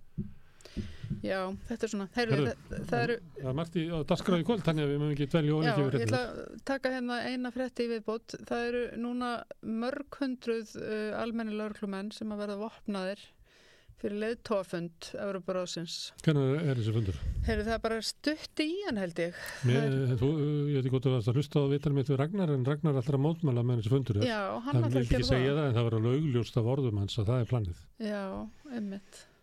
Já, já, hann Mm. er búin að vera að tala um þetta núna í einhvern smá tíma. mannstu þetta G7 mótmálum Þetta er ég sagði þetta við hann að það hefði verið fyrir ald- aldamóti nú er ég ekki, Þetta er eitthvað kringum miðan mæ held ég, 16. og 17. mæ. þetta voru mikil mótmæli hér fyrir svona 20 árum pluss Já, ég held að það hefði byrjað á svona síðari hluta tíund áraðurins og einhver þeirra náðu yfir aldamóti líklega einmitt, einmitt. Mér finnst, uh, það, núna það búið að panta 250 svörti jakkafött fyrir laurklumenn sem hefur verið óenginsklættir. nú verða eins og Og- bandaríska leini þessum Já, verið bara svona eins og hérna Men in Black. svona eitthvað Ah, já. En hérna, en þe og, já, og það bara búið að vera að þjálfa menn alveg massíft í sko, meðferð skotvapna. já, Þannig að hérna, skrýpalæti þetta er rosa skrifalæti. Mér finnst að við höfum bara að sleppa því, ég meina ef að svona leiðtóri heimsins vilja hittast og svona, þá eiga bara að gera það, ég meina, akkur er við að taka þetta að okkur. Já, ég segi það. Ha, Ég segi það. Finnst, eh, hvað kostar þetta? Þetta kostar alveg svakalega mikið. Já, þetta er alveg bara, ég, þeir bara hafa aldrei pungað út svona miklu. Og hver ákvað þetta? Það er góð spurning nefnilega. Ha. Hver ákvað þetta? Menn akkur borgar þetta Evróbráð ekki bara fyrir þetta að koma enga? Já, þau, ég get ekki ímynda mér annað en að þau borgi eitthvað fyrir sko, en það er samt talað um sko, að það sé, ég man ekki hvað hva upphaf, 1,4 1,4 1, ég get ekki sagt þessa tölu 1,4 miljardur króna uh, Já, er kostnaðurinn við röggjöld út af þessum viðbyrði og þá eftir að vera allt annað. Já, ég meina þannig þetta mun kosta kannski svona fjóra miljard eða eitthvað. Örgulega, allt í allt. Og menn búa náttúrulega á heilu hæðunum á hótelum, já, já, veit ég allir þeir Það eru við að bjóða Makrón og öllu hans bara ekki fylgislekti tvær hæðir að ykkur hótel eða? Eða borgar hann eða? Nýri lobby er hann?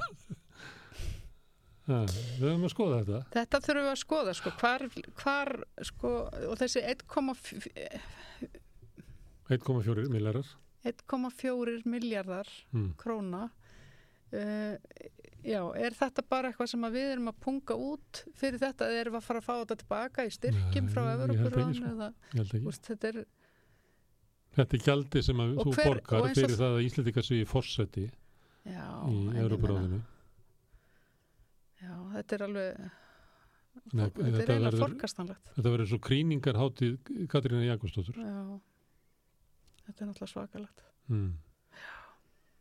Já, já Ég, Svo ríkir rosalega trúnaður um fundin og það, þannig að það er margt sem er ekkit ofnbæra og alveg svo þú spyr hver ákvað þetta Mm. ég meina, ég veit það ekki það það sem að- haldið svo fundur einu svona árið ekki eða eitthvað? Jú, og það er einhver, eitthvað ríki fengi til þess að halda hann sko en það er svolítið aðteglisvert einmitt, ég minnst það er líka svolítið forutnilegt sem að En hann er ekki haldið Við í Cardiff sko. Í nei, einhverju svona smábæi eins og nei, Reykjavík. nei haldir, já, já, einmitt einmitt en að, það var hérna maður að tala um það hérna í dag einmitt að það hefði svolítið mikið breyst eða verið svolítið gripið tækifæri í Danmörku þegar, þetta- þegar svona fundur var haldin þar og svona farið að herða allt svona já. dæmi og þú veist, maður hugsaði að varandi vel rafbustnari núna um daginn sko. Þarna var kannski sá hann sér lag Mm. sennilega af því þetta var svona stóð til Já. Við getum ekki á Jón móti Makrón nema að hafa rafbissur. já, nema að hafa rafbissur og vera búin að þjálfa alla í að nota byssur Mm. þannig að, Þetta er gert á sama tíma og stjórnvöld uh, er segjast ekki hafa neina krónu til þess að lína já, sásöka þeirra sem að verða harðast út í verðbólgunni og um kaupmannskjörinni. þá er þetta punkt út 1,4 En bara fyrir 1,4 löggæsluna. lif- milljarði já, Já, það er bara löggæsla sko. Svo eru þarna kokkar og þjónar og, já, já, og leigubílar og já, já og svo er náttúrulega, náttúrulega ferðarþjónustan að fara að græða örgulega helling á, á þessu hann hefði ekki verið hvað sem er fullt af fólki. jú, jú, alveg, Er þetta ekki í sko. mæ eða eitthvað? jú, þetta er miða mæ Er það að hafa þetta kannski í februar? já, græða, dauðum tíma. ferða þjóðstum að græða þessu, ég verður að græða ekki neitt á þessu. Kannski ekki. Herðu, mér heyrði það við sem bara á móti þessu fundi. Við erum bara hvað á móti og sem fyrir fundi. að mótmælu með Ragnari Þór Ragnari, já, Ha. mm Herðu, komið. já, komið. Þá bara snúum við okkur að, að næsta verkefni hér við Rauðaborðið eftir augnablik.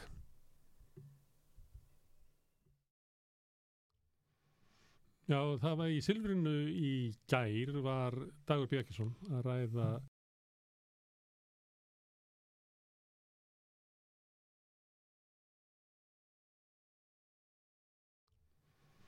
Já, það var í Silfrinu í gær var Dagur Bjarkesson að ræða málefni Reykjavíkuborgar út af uh, já, skuldastöðu og erfiðleikum í fjárhag borgarinnar. En það var líka komið inn á húsnæðismálin og byrjir hvað tveimur eða þreimur vikum að þá fengum við Guðmund Hrafn Argrímsson til þess að koma og vera með Kastljós gaggrinni þar sem að Sigurður Ingi Jóhansson uh, mann uh, innviðar á þeirra var að ræða húsnæðismálin og þú fórst yfir það með okkur Guðmundur, hvað Já. hann var að segja og, og tólka það fyrir okkur og nú ætlum við að fá því til þess að gaggrina Silfrið við talið við Dag B. Ekkerson eða þann hluta sem að fjallaði um húsnæðismál hvað hvernig svona almennt hvernig uh, slóðu þetta viðtalið? Já, þetta er bara mjög svipuð með eins og viðtali við uh, Sigur Inga. Uh, það vantar alveg svona spurningar sem fylgja á eftir og, og, og hérna reyna að draga fram staðrendur og menn sé ekki hleyfta stað í eitthvað svona jafnli umla hérna, fyrir og, og, og, svona, og svo segja er ekki neitt og jafnvel segja eitthvað sem er bara alls ekki satt Já. þetta er svona þetta er, Og er eiginlega haldaði fram að þeir séu búin að leysa vandan sem við verðum að fjallum. Já, já, afneita afstöðinu og fara að tala um eitthvað allt annað. Mér svona eh, mér, mér finnst það þurfa að vera uh, svona fjölmjölum menn þurfa að vera aðgangsharðari. Það er leiðilt að horfa upp á þetta Uh, og þetta er líka svona hérna, gefur fólki uh, tilfinningu fyrir að það skiptingu máli hvað þetta fólk segir hvernig það er spurt, hvernig það svarar.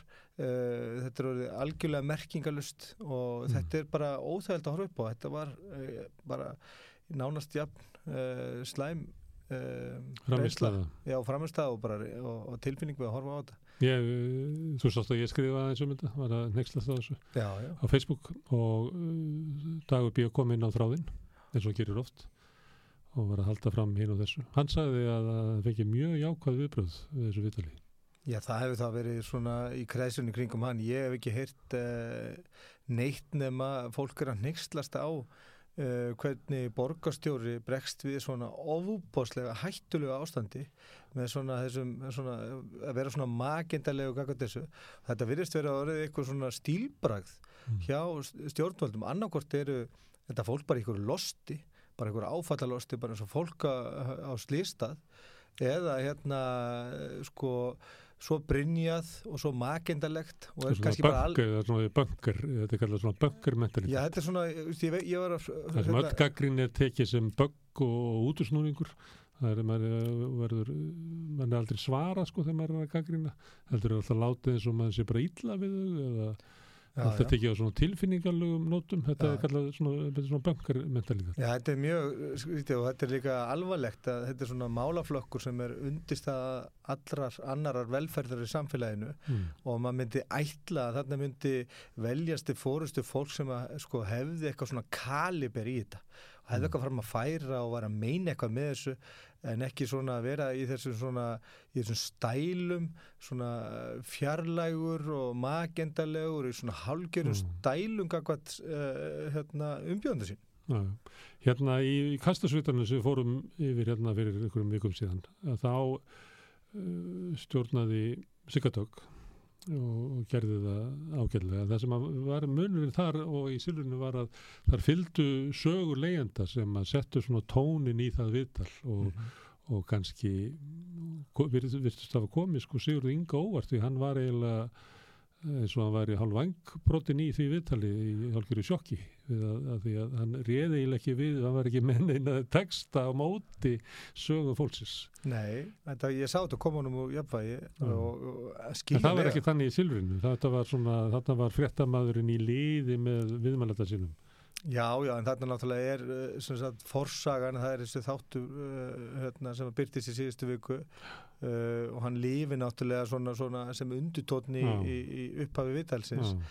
Uh, og maður sér að, hérna, að náttúrulega dagur tekur þetta alvarlega, hann, alv, hann sko kannski uh, hann hérna, virkar á með þess að hann búist við að vera tekið svolítið í gegn Já. hann svona, hann virkar þannig á mig í byrjun og, Mm. og hérna en er virkar mig tildulega óörgur í vittalinu vegna Mm. þess að hann veit að sko þessi tugga og þetta stef sem hann er búin að sko fara fram með undanfærin 6-7 ári í húsnæðasmálum að það trúur þessu ekki nokkuð maður lengur Mm. það eru sko flestir sem að eh, svona flest helviti fólk hlustar ekkit á þetta Mm. lengur og vill bara fá svör og vill að sér komið heiðarlega fram við það Mm. og þetta, það fannst mér vanta að menn taki ábyrð og koma heiðarlega fram og síni svona kaliber sem stjórnmálumenn en ekki svona eins og við talum annað svona böngar eða bara eitthvað eh, svona hérna, hræðslulosta mm. Mm. hræðslulost segi ég uh, uh, þegar fólk er spurt og, og krafið svara mér finnst þetta já, léli framist að Herri, ég ætla að spila fyrir þig hérna, en ég áður ég segi það, ég heyrði hérna í dag að Sigriður Hagalín, sem spurðan, og Dagur, þegar þau voru saman í MR á fyrstu árunum, að þá voru þau kærlspar. Já, ég gæti ekki fundi eh, svona örvar Amos þarna, eh, jafnvel ekki gamlar þarna Nei, milli þeirra, en nei. ég held að hún, hún gerði þetta faglega og hérna en ég hefði vilja og ég vil sjá sjónvastætti uh, meira eins og hérna á samstöðinu þar sem að uh, málunum er krufin til merkjar og uh, þegar staðan er óþægilega hættuleg eða svona eh, eins og viða í mörgum málaf- málaflokkum er slæm að þá séu þeir sem að hafa farið fyrir þessum málaflokkum eða bera ábyrð að þeir séu krafðir upplýsinga og fréttamenn séu upplýstur um uh, hver staðan er og, og, hérna, og hvaða ábyrð uh, kvílir á þessu fólki. Já, Erum við svona að byrja á fyrsta klippinu og eins og þú segir að þá eh, var undirtónin í viðtalun til að byrja með var kveikstátturinn sem að var umfjöllunum um fólk sem bjó í, í atvinnu yðnaði hverfanum við ólíðandi aðstæður. Sjáum fyrsta klippið. Eh, hvernig líður þér með það bara sem borgarstjóra að börn og, og fullornir búi við þessar aðstæður í borginni? Mér finnst það bara ekki komið til greina satt við að segja og uh, eitt af því sem að hefur góðu hilli verið að þróast á undanfjöndum árum er að við höfum tekið algjörlega skýra afstöðu gagvart óörugu húsnæði og þetta hilsuspillandi líka. Og uh, uh, ef við fáum ábendingar um slíkt og ég bara hveti þess að, að slökkulegið að aðri fái ábendingar um slíkt og þá er greipið til aðgerða. Mm. áður var uh, svona kannski svolítið óljósari stefna sérstaklega að koma kannski búsetu á atvinnusvæðum þar sem er raun má ekki búa uh, að, að, hérna, að þá var svona þetta ákveði grátt svæði uh, en við höfum þá sín að ef að það húsnaði er örugt að þá Ok, Guðmundur, hvað segir við þessu? Hann er hérna uh, lýsir náttúrulega andstigð sinni á þessu ástandi sem er. Já, ég meina þetta er náttúrulega uh, alls ekki eitthvað dægur ástand. Uh, ég er búin að vera að fara í gegnum fréttir af þessu samskonar ástandi sem að ná alveg aftur til 2015 þar sem að verið að lýsa yfir svona neyðar ástandi í stöðu þessar fólk sem býr í ólöglegu óviðnandi yðnaðar húsnæði á atvinnusvæðin. Þannig að þetta stef er búin að vera gegnum gangandi í fjölmjölum, það reglu verið farið svona í svona mikla greiningar á þessu og vandamáli hefur farið vaksandi. Það var talað um eitthvað 1200 manns ára 2015 og svo endar þetta í eh, 7000 einstælingum sem er þaldi búa við svona aðstæður í februar 2021 fyrir slettum tveimur árum síðan. Þannig að sko Og ástæðan er svo að þetta fjölgar er það að vera ekkert gert í málunum. það verður ekkert verið gert í málunum og því, það að sína þessu eitthvað svona, svona eitthvað hrigð vera kannski, vera búin að vera uh, hérna, yfir húsnæðismálum uh, þessa fólks uh, í áratug og þá nær hún snerti mig ekki mikið þessi hrigð borg, borgarstjónans þegar hann segir líka að það komi alls ekki til greina að fólk búi við þessar aðstæður nú fólk hefur enga aðra kosti og vandamáli hefur bara uh, fimm eða sex faldast í tíð borgarstjórnans þannig að sko hann hefur ekkit efna á að sína einhverja sérstaklega hrigði við þessu. Hann er ekki þólandi í þessu máli, hann er gerandi, ert að segja það. Já, hann er ég- að sjálfsögðu. Mm. ég held að það velkist ekki nokkuð maður í vafum það. Uh, þetta vandamálið farið vaksandi og það eru bara alls konar aðrar breytur sem að ha- hafa sínt fram að vandi bara almennt uh, fólks til að finna, að finna húsnæði. Þannig að einhver starf kristallast þessi stóri vandi og hann kristallast mjög vel hérna í þessum aðstæðan sem fólku farið að hýrast í, í kjallarakompum í, í, hérna, í geimslum upp á háalofti í skúrum og þess aftar og svo náttúrulega líka bara fjöldi heimilislausra hefur vaksið gríðarlega. Mm. uh, þröngbíli hefur tvöfaldast á rúm áratug. Uh, ungt fólk uh, aldrinum 26-29 ára er tvöfald meira, meira mæli hjá foreldrum heldur en fyrir rúm áratug síðan. Þannig að það, það, það, það eru, það, það, þetta nær allstæðin í samfélagi þannig að kristallast þetta uh, og við náttúrulega verðum vitnað þessu Mm. og verðum öll sorgmætt mér finnst borgarstjórun ekki hafa sérstak tilum til þess að vera eitthvað leiður yfir þessu eða þá að, hérna, að segja að þetta komið ekki til greina hann hefur bóðið upp á þetta Mm. Þetta er það sem er að bjóða fólki í meiri mæli heldur nokkuð tíman áður. Þannig að segja að þetta kom ekki til greina, þetta er það sem hann býður fólki Mm. upp á. Það er búið, búið að endurreisa brekakörfin, Pólana og Höfðaborgina sem að breyðoltið útbrýndi. Þessi fyrirbreyður komin aftur. Já, þetta er bara, í þetta er á bóðstólum, uh, hjá borgarstjórunum uh, hann vill ekki byggja neitt eða minnst okkar ekki nógu mikið til þess að fólk fái almennt húsnæði hann vill ekki bæta kerfið í, í, í kringum þetta, þjónustuna eða, eða þess áttar uh, hann vill breyta skilgreiningum Mm. og hann kemur inn á það einmitt að, að hann hafi farið í það að breyta skilgreiningum á atvinnuhúsnaði að þar sem að það teldist örugt þá var nú lægi að fólk byggi þar og jafnlega með börnin sín þó að hérna, fyrir utan uh, ingangin séu hérna, uh, hérna vörubílar og, og beltagröfur Mm. og játnadrasl, hvernig sem það er sko. Það var líka breynt skilgreiningunum á byggðlistunum eftir húsnaði og félagsbústuðum. Það verður alltaf þrengri og þrengri þess að fækkar á byggðlistunum, ekki bara út af því, en það er eina ástæð fyrir að fækkar á byggðlistunum. Það er bara svo erfitt að komast inn á þá. Já, þú þarf að vera, ef þú ert með uh, leigursamning, þá kemst ekki inn á bílastan. Það er að ef þú ert með leigursamning, þá er alveg saman hvernig hann leitur Mm. út. Ef þú ert ekki hreinlega á göttunni. Mm. Uh, það, þetta er eins og sé, þetta verður svona stefið, við bætum eiginni byggjum neitt, heldur bara, skulum breyta skilgjörlingum á því hvað er gott og slemt. Herðu, við skulum horfa á næsta klipp. Það kom fram í þættinum að slökkuliði svona hendur þess eru svolítið bundnar þegar kemur að íbúðarhúsnaði. mm -hmm. Uh, en, en þarna er náttúrulega liggur annar vandi að baki. Einhvers þar þarf fólk að búa og það bara vantar íbúðarhúsnaði á höfuborgarsvæðinu. uh, bara samkvæmt lögum þá ber sveitafélagum skilda til þess að tryggja frambúð af leiguhúsnaði. Uh, hvers vegna hefur borgin ekki staðið sér betur við það en raunbyrðið? Já, ég myndi nú kannski snúa spurningunni við hvers vegna uh, aðrir hafi ekki fyllt fordæmið borgarinnar, fjölga félagslegum leiguíbúðum fyrir þá sem eru kannski búa við kröppust kjörahúsnæðismarkaði og lift uh, í að miklu grættistæki og viðungert í samvinnu við verkalýsefinguna, stúdenta, bingafélag, aldrar og framvegs í að breyta stöðunni. Það er yfir 5.000 manns sem hafa fengið inn í örugu húsnað og viðræðalegu verði og við höfum óhagnaðadrifina félaga bara núna undarfærin ár út af átaki borgarinnar mm. og, uh, og, uh, og ég hef kallað eftir því að aðrir e, stýi jafn svona þungt til jarðar í þessu kallað eftir húsnæðisáttmála til þess að ná auðvitað um þetta Herðu, þarna er hann spurður af hverju gerir borgin ekki meira og, og þannig að snýrði við af hverju gerir ekki aðrir jaft mikið úr borgin. Ég held að þetta hljóti að vera í minn, verða í minnum hatt þessi tilsvör Mm. borgarstjórans. Uh, ég, mér ekkur ekki minni til þess að, að uh, hafa séð stjórnmálmann í slíkir fyrringu þegar hann er spurður um uh, ástandið og viðbröð við þessu Mm. hræðilega ástandi Mm. að hann segir hérna í, í, í fjölmiðlega allar landsmanna uh, á hverju gera hinn ekki neitt og ég ætla að fá að snúa þessari spurningu við Mm. Þetta er mikilvægasta spurning sem hann er hugsanlega spurður, spurður á ferlinum. Hvar á þetta fólk alltaf búa? Mm. Þeir byrð skilda til þess að tryggja frambóðu húsnaði ekki deiliskypilarsplöggum eða hugmyndum um eitthvað stórkostlega uppbyggingu. Þeir byrð skilda. Mm. Þú gegst við henni, þú ert búin að serja þessi eigða að gangast þessum skildu í hennum og nú spyr ég þig hvar á þetta fólk að búa? Akkur gerir borgin ekki í því að tryggja frambóð? Mm. Nei, ég ætla að fá að snúa spurningunum við. Mm. Hverju byggir ekki Akkur Garðabær?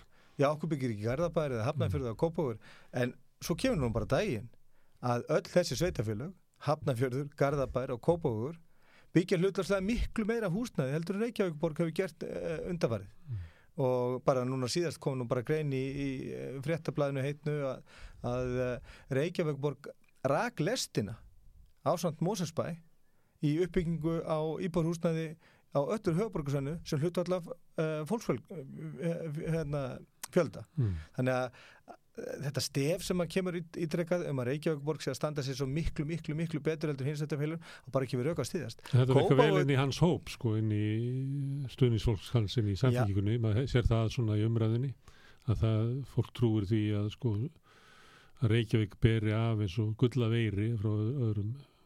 og það er bara ekki rétt það er eins og rétt sem að uh, borgarsjóri nefnir hérna að Reykjavíkuborg hefur byggt meira hlutaslega félagslegu húsnaði heldur en hins sveitafélögin nú uh, Í Reykjavíkuborg gegnum tíðina eða undarferð. Já, það er, það er sem verið að tala um undarfarið, Ég- þetta er svona frá því þessar húsnæðs uh, áallanir og kynninga fóru að byrta svona 2013 og 14 uh, þegar öll þessu hugtök og þessar stefnu komið fram að þá hérna, hefur borgin byggt meira af félagslegu húsnæði heldur en hinn sveitafélagun mm. hlutvarslega uh, ég veit hins vegar ekki hver tala uh, hver er rauntala á félagslegu húsnæði til dæmis í Hafnafjörði, ég veit að það var mikið að merkamanna bústöðum þar, ég veit ekki hver, hver talan er með íbúafjölda, það getur vel verið að borgin hafi byggt meira hlutvarslega heldur en hinn er vegna þess að þið voru búin að selja svo mikið úr þessu kerfi hérna á árum áður, maður þurft að bæta þess í en þetta tala allt um að, að borgin sé að standa sér svo óbúslega vel við að, að, að hérna, sinna skildur sínum við að tryggja frambóð, það er líkil spurning. Mm. Þetta er líkil spurning vegna þess að það stendur í lögum um félagsstjónustu sveitafélag að borginni ber að tryggja frambóð á húsnæði, ekki lóðum eða skipulögum, einhverjum uh, hugmyndum eða tillögum það er húsnæði, það, það sefur engin í einhverju að þrýblaði nýri í borgatúni. Og það mikar ekki kröfunna á Reykjavík og Borg þó að eitthvað annars sveitafélag standi sér ennver. Já, bara alls ekki og þvert að móti og það er nú bara eins og segi, eh, ég, ég fóru yfir, yfir hérna bara hvernig mannfjöldi hefur þróast hérna á höfuborgarsvæðinu uh, undanfærin 15 árið að svo uh, þá hefur Reykjavík Borg verið með sko 16% fjölgum meðan hún hefur verið allt upp í 50% eins og í Kópói. Þannig að sko sveitafélaginu á höfuborgarsvæðinu fyrir utan Reykjavík hafa tekið að sér lungan að þessar uppbyggingu allri sem hefur farið fram hérna sérstaklega frá hrunni. Þar hefur Reykjavíkborg bara setið það algjörlega á hakanum og þannig að allt talum að Reykjavíkborg standi sér vel í að sinna skildu sínum í húsnæðsmálum það bara, hérna, það er bara ekki rétt. Já, herðu, hann baði sig saman við önnur sveitafélag í þessu síðasta klippi. Nú ber hann sig saman við söguna í næsta klippi, meðan hann segir að hans fimm sinnum starri heldur en breyðolsverkefnið. Í upphafið þessa ása þá gerðum við samning við ríkið um framtíðasín á þessu sviði til næstu tíu ára þar sem við erum meðal annars, þetta eru 16.000 íbúður alls en meðal annars yfir 5.000, 5.600 raunar sem eru e, óhagnaðar megin þar að segja, eru e, húsnaða viðráðanlegu verði. Mm. Og bara til þess að fólk átti svo á starðagráðunni að gera þetta á tíu árum þetta eru fimm breyðholtsverkefni breyðholtsverkefni voru 1250 íbúðir sem að risu á rúmum 15 árum. Við erum skalin og þessu er fimm sinnum meiri en, en e, til þess að, að þetta gerist hraðar þá þarf þetta að gera þetta í öðrum sveitafélagum mm. og við erum ennþá bara eina sveitafélagi sem hefur gert Eh, húsnæðarsáttmála við ríkið um svona blandaða félagslega uppbyggingu mm. sem byggir á reynslu síðustu ára. Því að en... það sem er undirlikjandi í Reykjavík og annar staðar er að það er gríðarlega fólksjölkun um leið og ferðarþjónustan fór aftur af stað eftir COVID og þá auðvitað, flytur mjög margt fólkinga til að vinna. Hvað séu þessu? Sko þetta er náttúrulega stórmerkilegt að hann er enþá að tala um þetta ramasamkómulag sem hann uh, skrifaði undir uh, núna í upphafi ásins við uh, innverðar á þeirra um þessar stórgóðslu uppbyggingu á húsnaði í Reykjavík og á sama tíma og, og það er vitað að kannski 50% að því gengur eftir í ár og hugsanlega mikið minna næst ári vegna þess að, að, að uh, það dregur líka hratt saman í uh, verkefni sem eru að fara á stað. Ég tala við hérna fólk frá samtöku og núna fyrir stötu síðan og þá kemur þetta bara í ljós að það er uh, samdráttur miklu meir heldur en við erum að sjá í opmjöru tölum, hann er kannski 60, 50, 70% mm. þannig að vera að vísi þetta samkómulag uh, við, það, það finnst mér hjákáttlegt Þannig ef þau, þeir gera ráð fyrir bara 1000 íbúðum að þá getur við gert ráð fyrir því að verði kannski 300 með það við samdrátti sem er. Já, já, við, við erum bara að sjá þess að tölur. Þetta, í, í, hérna, við erum að sjá þess að tölur byrtast bara á húslandsmannvíkjastofnun og, og áhrifin er ekki fullu komin af samdrættinum sem er náttúrulega reyndar rannsóknar efni fyrir sig, okkur samdráttur uh, meðan að húslandsverðar að hekka nú við tölum um þetta áðan með að hvernig að Reykjavíkborg sé eitthvað sérstaklega að draga vagnin og standa sér betur en önnu sveitafélag uh, við fórum yfir áðan, er bara ágifur auka stiðjast uh, það er ákveðin þættir sem hann nefnir sem hann er ég vildi ekki láta hann svara fyrir. Bara hvað þýður þetta hagkvæma húsnæði? Mm. ég fóru yfir það í grein sem ég skrifaði fyrir árið síðan að þegar þessi hugmyndum hagkvæmt húsnæði kom fram fyrst í glærumsýningu árið 2014 að að þá var hérna uh, hlutvall launa eða sem sagt uh, svona launastýrs í landinu húsnæðisverði uh, það hefur næst í tvöfald að síðan en samt að hvað er dýrara fyrir launamannin að kaupa þessu húsnæði? Já, Mm. það er að segja sko að þegar þetta hug, hugtak kemur fram þá gerði maður svona ráð fyrir því að þetta þýtti það að, að þetta húsnæði þá eitthvað undir markarsverði í rauninni hins vegar svo að þetta húsnæði sem hefur verið byggt undir eins og liðið hagkvæmt húsnæði hefur jafnvel verið yfir markarsverði þó að markarsverði hafa hækkað á húsnæði hækkað tvísasunum meir en laun. Og þannig að, að þetta með hagkvæmt húsnæði, þetta er ekkit hagkvæmt nema fyrir verktakana vegna þess að ef að hagkvæmt þýtti eitthvað ákveð hlutvægt á launum, þá myndi það kannski því að, að þetta væri 30-40% ódýrðarinn markasverði, en þetta er jafnvel herra, Sérstaklega út eitthvað fermendur að verði að þetta eru litlar íbúðir, það er búið að henda út geimslunni og inn á þessu þannig að rándýrar rándýrar á, á fermetraverði bara, bara, bara svífurlega dýrt og mér finnst að það þurfa að koma umræðum þetta hvað þýður þetta hagkvæma húsnæði uh, óhagnadrifin uh, leigufélög. Nú við hefum sínt fram á til dæmis bara hvernig uh, hérna, uh, stúdendagarðar og félagsstofnum stúdenda þau eru með uh, hæsta fermetraverði uh, að það er náttúrulega litlar einingar Mm. en þrefalt herri til dæmis að meðalverði í kaupanum þannig að allt tala um þetta sé félagslega eða óhagnadrifir ekki vegna þess að hann er farin átt að segja á því hann getur ekki nota á þetta hugdag lengur hann er farin að segja óhagnaðar megin nefnir hann hann og hagnar megin? Já, óhagnaðar megin. Hvað því það? Eh, það er svona, ég veit ekki hvort hann sé að færa út í það að hérna, hætta að nota þetta hugtak vegna þess að þetta er ekki rétt notkunu hugtakinu uh, óhagnaða drifin. Þegar það er hagnaða drifin rekstur þó að þessi ekki borgar út arður þá er þetta hagnaða drifin rekstur. Og það, það sést berlega í öllu leiguverði þannig að sko, mér finnst að, að borgarstjórn þurfa að taka uh, og, útskýra fyrir fólki hvað þetta þýðir hagkvæmt húsnæði og fara þá út í skilgjöningun á því þegar þetta fyrst kom fram hvernig var þá hlutvall þessar markasverða fastegnum og launa og okkur uh, fylgir það þá ekki launanum ef þetta vera hagkvæmt uh, eða þá minnst það hangir í byggingakostnaði en ekki bara markasverði af því að markasverði er ekkit hagkvæmt fyrir kaupenduna Mm. það hagkvæmt fyrir seljendur þannig að fyrir hvernig er þetta hagkvæmt? Og þetta er líka uh, samtal sem þarf að eiga sér stað. Mm. Ég með fast á að verður þessi samabröðu breyðolti þannig að ég uh, bara þetta saman uh, svo uppbyggingu breyðoltins annars vegar þá verkamannabústaðakerfið og hins vegar núna bjarg og svo hins vegar uppbyggingu á, á, á félagslegu hérna uh, leiguýbúðum félagslugu leiguýbúðum sem er, ég held að félagsbústaðar er ennþá 700 íbúður í breyðolti og breyðolti byggist upp á svona cirka 20 tíma.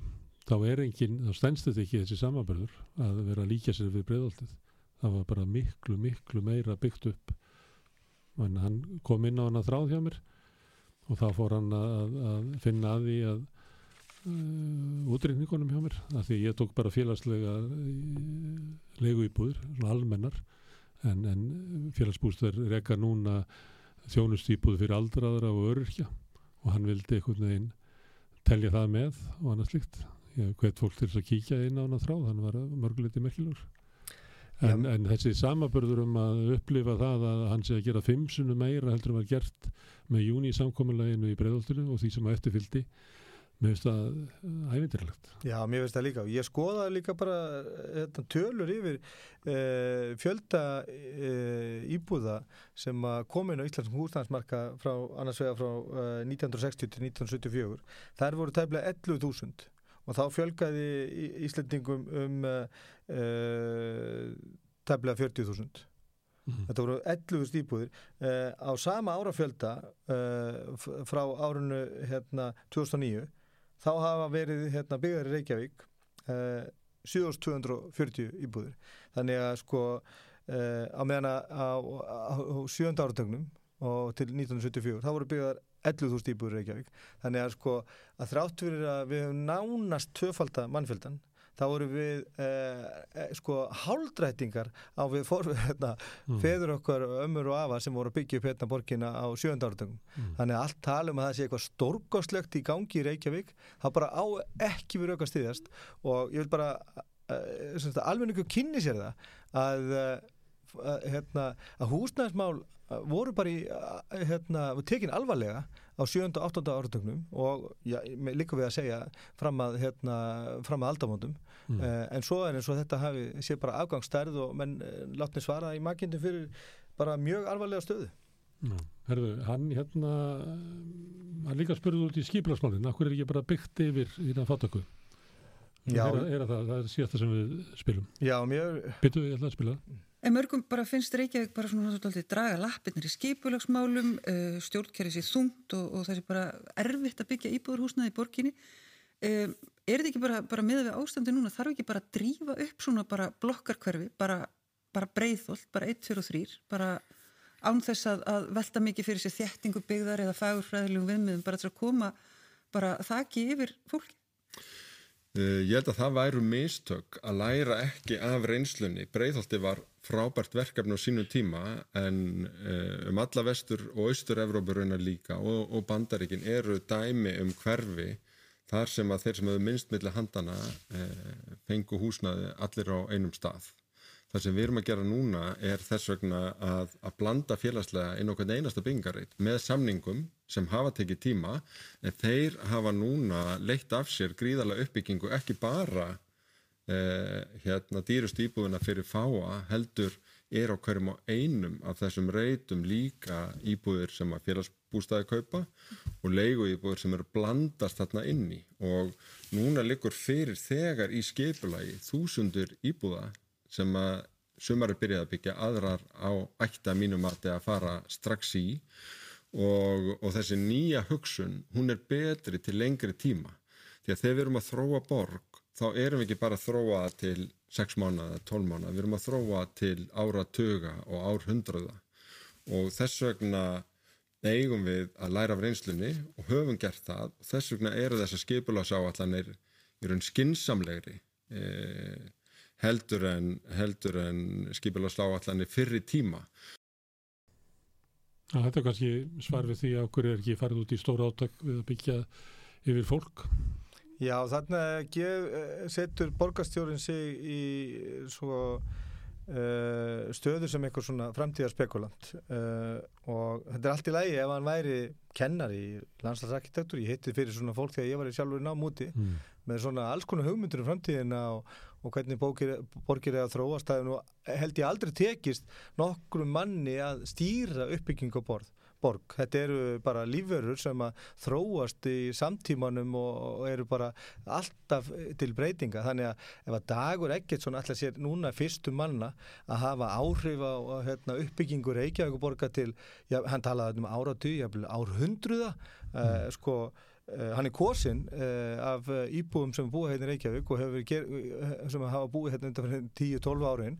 En hann er alltaf í norðin alltaf að vera núna eitthvað svona minnisvarði höfunduborgarinnar höfunduborgarinnar mm. og, og hérna skeitur svo engum hvernig ástandi er núna. Hann er algjörlega pikkfastur ég hef heyrt þetta tali í ánum áður.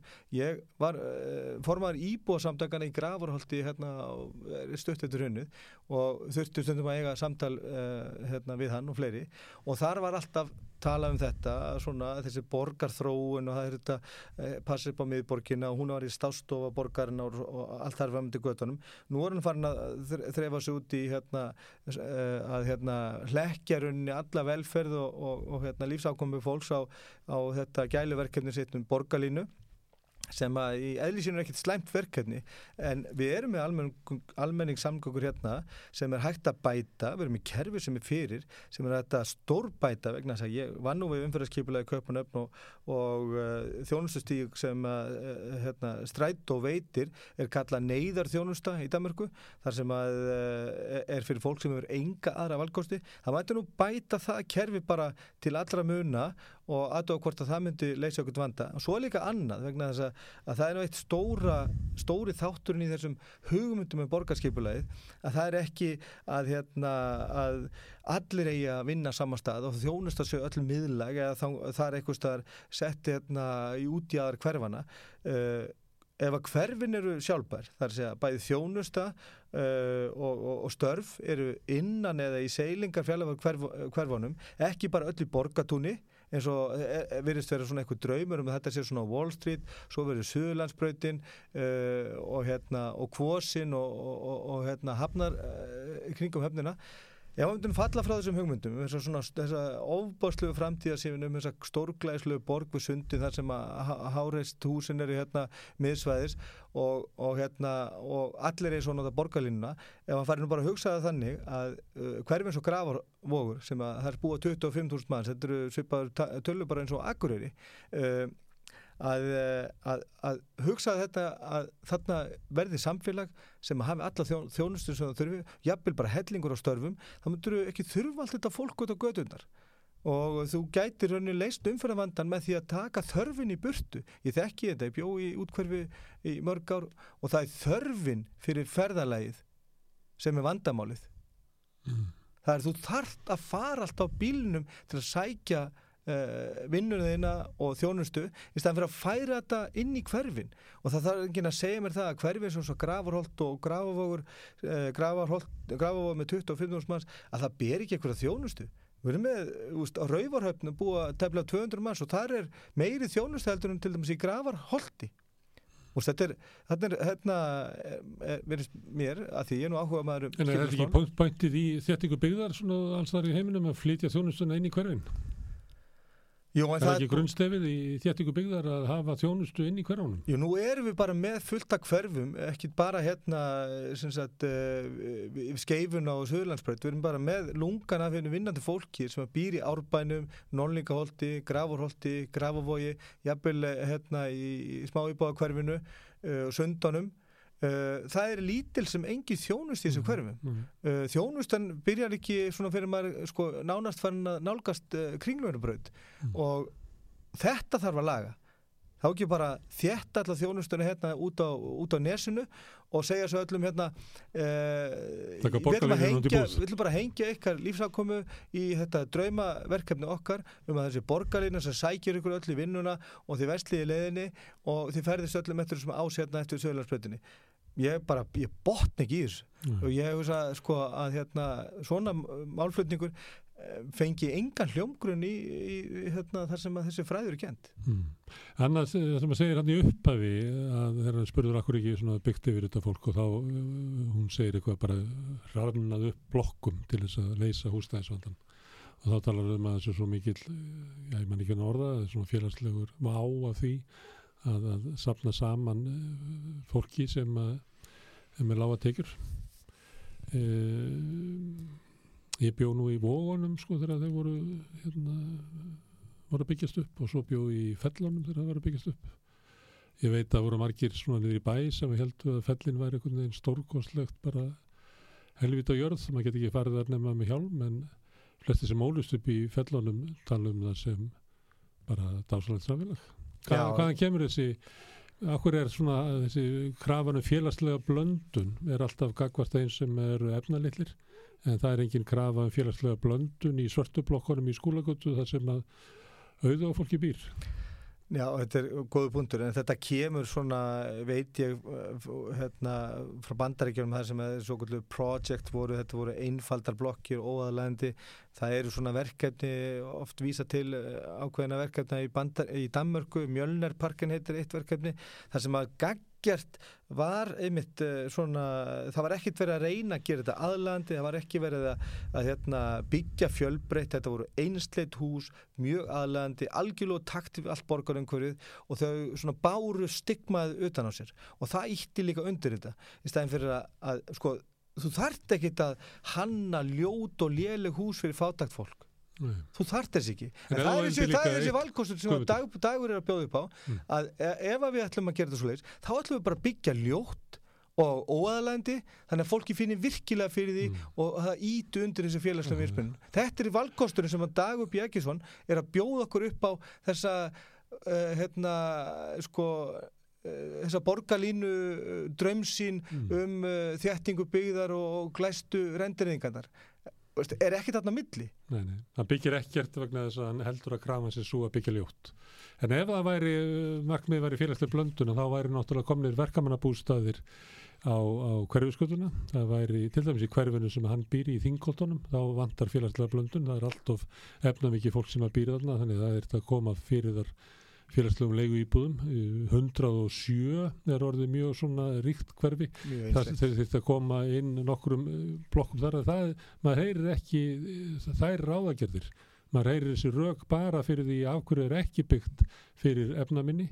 Þá það má ekki vegna þess að það verður of hérna, lítil félagslega blöndun. Mm. en af hverju er þá ekki verið að byggja í, í fosfóginum í 107 Já, Daniel Slipp, akkur er hann ekki bara Já, notaður til þess að, að akkur er ekki einstæðir foreldrar í Hafnatorki og verkamannabústaðar þar með gott útsinni yfir Hafnina Það er einfall út af því að uh, dagur og uh, mikið af þessu fólki sem að mér sýnist hann vera svona búin að, að, hérna, að safna í kringu sig það tilherir ekki samfélagi svona fjöldars uh, þetta er, það er verið að búa til uh, aðskipt uh, samfélög, maður mað sér það svo vel í kringum Hafnatorkið og þessa nýju uppbyggingu allstað þarna í miðbænum að þarna er búið að búa til sér samfélag, það eru sér búður og sér þjónusta og þetta er allt alveg hérna svona eh, tákmyndin í þessu.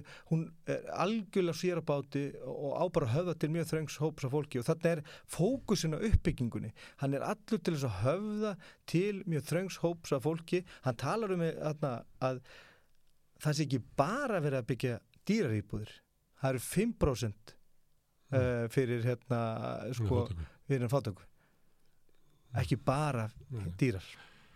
Nei, og svo er eh, félagslega einslegninni svo mikið við Hafnatorka það setja okkur upp svona pílusta sem er líka þetta syngi karaoke. Og þeim sem er búa þarna þeir finnst þetta svo plebbalegt að þeir vilja því eh, vilja vera losna við þetta. He- heyra alveg rosalega háaða frá þessu stað en ekkert frá Já. hinnistöðunum Herru, Guðmundur, gaman að fá þig hingað í gaggrinni á Silfrið og Kastljós. Við kollum á þig ef að eh, einhver ráðamanna kemur aftur að tala um húsnæðismál á þessum vettóki á Ríkisdörfinu til hvernig sem er. Erðu, við snúum okkur að næsta máli eftir augnablik.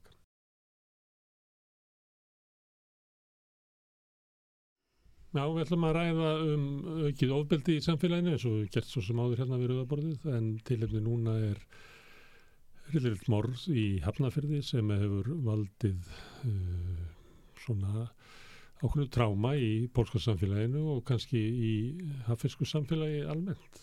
Er komið fólk sem hefur kannski ólíka nálgun á um, þetta málefni, málefni allt. Það er Haugur Haraldsson, hann er sálfræðingur. Var hérna við rauðaborðið bara í síðustu viku að ræða um vann líðan ungmenna. En þú hefur starfað með ungu fólki í alla þína starfstíð Já. og ert eh, starfandi í Hafnaferi núna. Já. Margaret Valdimarsdóttir, þú komið hérna áður, afbrótafræðingur, mentuð í New York. Já, og uh, með sérstakka áherslu á ungmenni, eða ekki? Jú, Já. og kynnt átt að miða löggæslu og ungmenni. Já. Já. Og Viktoria Jóhanna Ginter sem er aktivisti í málefnum innflytjenda og pólskað uppruna. Yes. Má ég byrja á þér, eh, Viktoria, það hérna uh, var stund í, í Naldakotskirkju, sem hafa kallað eh, saman fólk sem að tengdi smálinu og líka bara pólska samfélagið.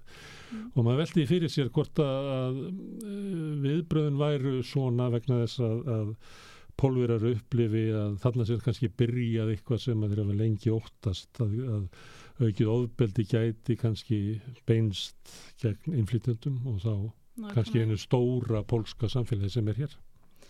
Einmitt, þetta uh, vakti óta uh, á, á meðal pólverja á Íslandi. Og þetta er eitthvað sem við vorum að búast við í nokkrum, tíma núna vegna þess að við vitum alveg að þetta eru grassandi fórdómar uh, og xenofóbia í, í íslensku samfélagi. Og um, fjölmiðlar hjálpa ekki með uh, Hvernig þá má ég spyrja, hvernig hjálpa pólver, uh, fjölmjölar ekki? Uh, allt sem er uh, skrifað um okkur innflytjendur er frekar neikvægt alltaf. Mm. uh, það er fullt af fólki það er 60.000 uh, innflytjendur á Íslandi nú þegar. Og það heyrist í okkur ekki nema þegar uh, slæmt er í gangi eins og núna til dæmis. Og uh, uh, fjölmiðlar eru rosalega uh, fljóttir að uh, flytja fréttum sem eru með um, svona xenofóbisk undirstrykk, ég veit ekki hvernig að Mm. útskýra þetta betur betra en um, jú, við, við vorum að búast við Þá er þá ætti að segja það að, að umræðin í fjölmjörunum er þannig að það til umhverfi Mm. og ef þú hendir svona vannstiltu manni með nývinn í það umhverfi að þá dregur hann þeir álíktanir að pólskur maður sé Einmitt. hættulur, Um, ekki við, þessi þið. já, en um, í raun og veru uh, uh, í þessu skipti það er pólveri sem, sem er uh, uh, tólendi ofbeldis Já, og um, við þurfum að uh, taka þetta uh, í sér og taka þetta sem staðreint að uh, hans úprúni skiptir að máli mm, vegna þess að um, samkvæmt uh, rannsóknum uh, frá Europasambandi sem er að trannsæka uh, hatursordræðu og um, ofbeldi mm, á milli aðila sem eru frá uh, öðrum uh, ólíkum löndum þá þetta skiptir alltaf máli. Mm, að uh, við, ekki, við megum ekki að útiloka að áreiti gerist auðveldlega uh, einhver er ekki um, tónlendi er ekki með augljóst tenging, tenging við samfélaginu. Já. Margrét, þú reyfir höfðu, uh, svo setja Jónka. Þú kannast við þetta.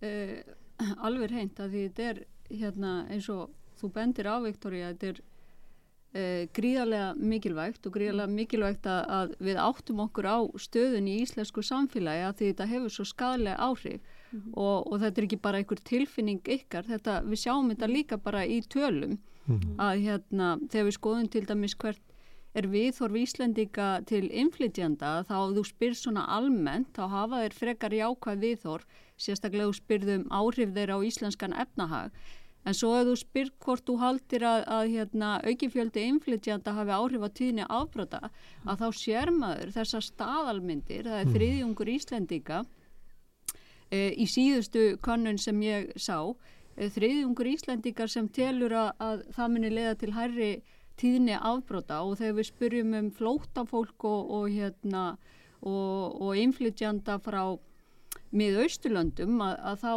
telur stór hluti Íslendinga að við séum í í einhvers konar öryggisókn og svo við hugsum bara svona um orraðuna sem tengist afbrotum á Íslandi, skipulari brotastarfsemi, eh, breytingu á löggæslu, vopnavæðingu lauruglunar, þá er verið að tala um þessa hluti og eins og bara nýlega umræða til dæmis um vandamál á Suðunesjum, þá að, þá eru sko íslenski pólitíkusar að tala svolítið undir rós eins og vandamáli sé hér aukin fjölbreytileiki. Mm, sem að, að við höfum í raun og veru enga staðfestingu á að því að þrátt fyrir að við séum að sjá ykkur aukningu ákvörðat núna þegar við erum að bera saman við allra síðustu ár, þar að segja ofbeldsbrot þá ef við skoðum lengra aftur í tíman e, förum aftur til hérna, síðustu aldamóta 20 ára aftur í tíman að, að þegar að við vorum með 100.000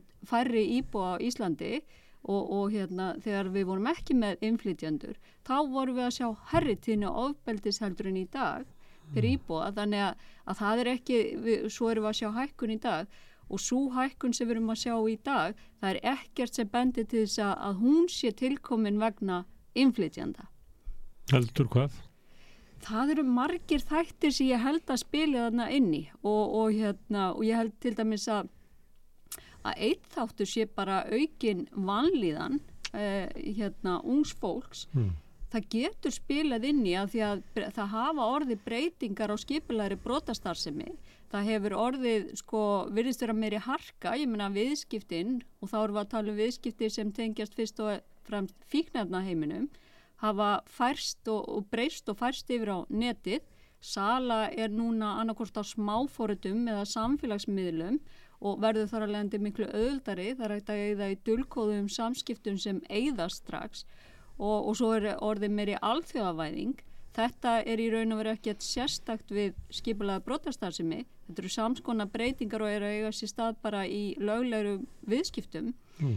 En svona meiri skipla í kringum þen, þennan heim, það má vera að hann teikist uh, svona aukinni ofbildstæðun en svo held ég líka bara að við höfum ekki gert nóg fyrir ungd fólk, við erum að sko, fólk er að, að uh, ungd fólk er að býða eftir greiningu hér árum saman og þegar það fær greiningu þá fær það ekki þá aðstóð sem það, vil, sem það þarf. Fólk fær ekki sálfræði þjónustu sem þarf á hann að halda og, og, og svo má vera sko að, uh, að því að við vitum það að uh, eftirlit foreldra það hefur bara minkað hreinlega á síðustu árum. Það sjáum við bara í tölum eins og í gögnum frá rannsóknur og greiningu það getur spilað inn í mikil eftirlitslaus samfélagsmiðla nótkun ungs fólks, ég held að það mm -hmm. hafi líka áhrif, ég held að þessu margir þættir, við erum að koma úr svona e einhvers konar COVID-tímabili og í, í öðrum löndum þá erum við líka að sjá einhvers konar aukningu á ofbeldisæðun og það samar að gerast hér. Margir mm. þættir. Mér langar, mér langar líka að skjóta inn uh, íslensk mentakerfið til dæmis uh, vegna þess að um, uh, til dæmis ég var að lesa uh, svona skýrslu um, á vegnum á vegum velferðavakti Já, velferðarvakti. Uh, þau voru að búa til rannsókn um, um uh, fólki milli 17 og 24 uh, ára aldri, mm. á aldri á Íslandi og uh, það kom út til dæmis að um, uh, krakkár á þessu aldri uh, af erlendum, erlendum úbrúna foreldrana mm. eru fjórum sínum meira líklegt að droppa út úr mm. mentaskóla en til dæmis íslenskir krakkar og ég var að tala um það rosalega mikið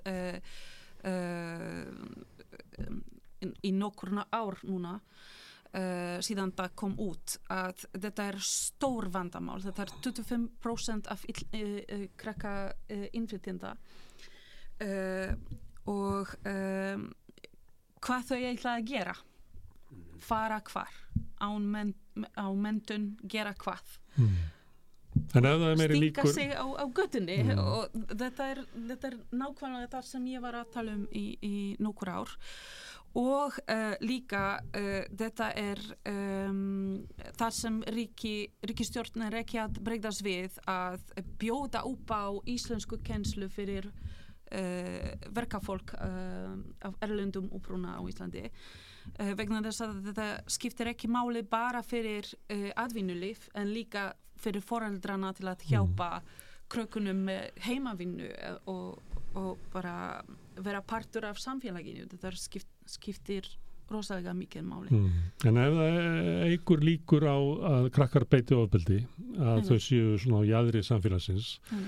að þá með því að mentakerfið ítir út krökkum af erlendum uppruna að þá eru þau raunverulega íta krökkum af erlendum uppruna út í uh, ja, svæði þar sem er meiri líkur á ofbeldisaðun og ekki bara innflytjenda þetta eru hvað uh, eitt triðja af uh, strákana á þessu aldri bara í, á Íslandi eru bara með grunnskólanám mm. sem er hrædilegt mm. alveg Högur, hvernig lítur það út frá þér? Lítur, hérna, þetta lítur ekki vel út þessi þáttur, mér finnst það ágætt það sem þú veist að minnast á því ég var nú bara hérna rétt að koma farið í rannsókn sem ég var byrkt í morgun sem var að sem sýnir að 20% krakka ég held að séum frá 17 til 24 ég maður ekki alveg en mm. þetta er ansi fín útætt að törðarna sem við vorum í huga varu 10% varu með dyslexju en það eru þá að vera að tala um að séum 20% mm. og ok, við erum farið að taka eitthvað svona hérna, þessi, ákveðin púli útrúsu sem eru þá krakka með sértaka lestranleika mm og rannsaknum síni það að ef að þú nærði ekki þessum krökkum fyrir ákveðin aldur þá eru þeir miklu líkleri til þess kvorki ná að handla nám nýja starf og þá er það svo ok, við tökum uh, krakkana sem koma hérna eru þá bara ístendingar eða fóreldra pólskum uppruna eða litónsku eða hvað nú er mm. og það hlýtur að vera erfiðara fyrir þau svona öllu jöfnu að ná tökum á tungumálu sem því ja. það þannig að þú ert erfiðar með að setja þinn félagslega og svo framvegis. Og þetta er hópurinn sem við ljótum að þurfa að setja alveg óbúrslega orku hérna ná utanum upp á það að hugsa til framtíðar. Ja, Við erum ekki að því okkur Nei, en Lilja var nú að kynna hérna í, í húsi íslenska tungu að það ætti að fara að setja smá meira orku í þetta. Þannig að fólk er allavega að hugsa í þessa átt.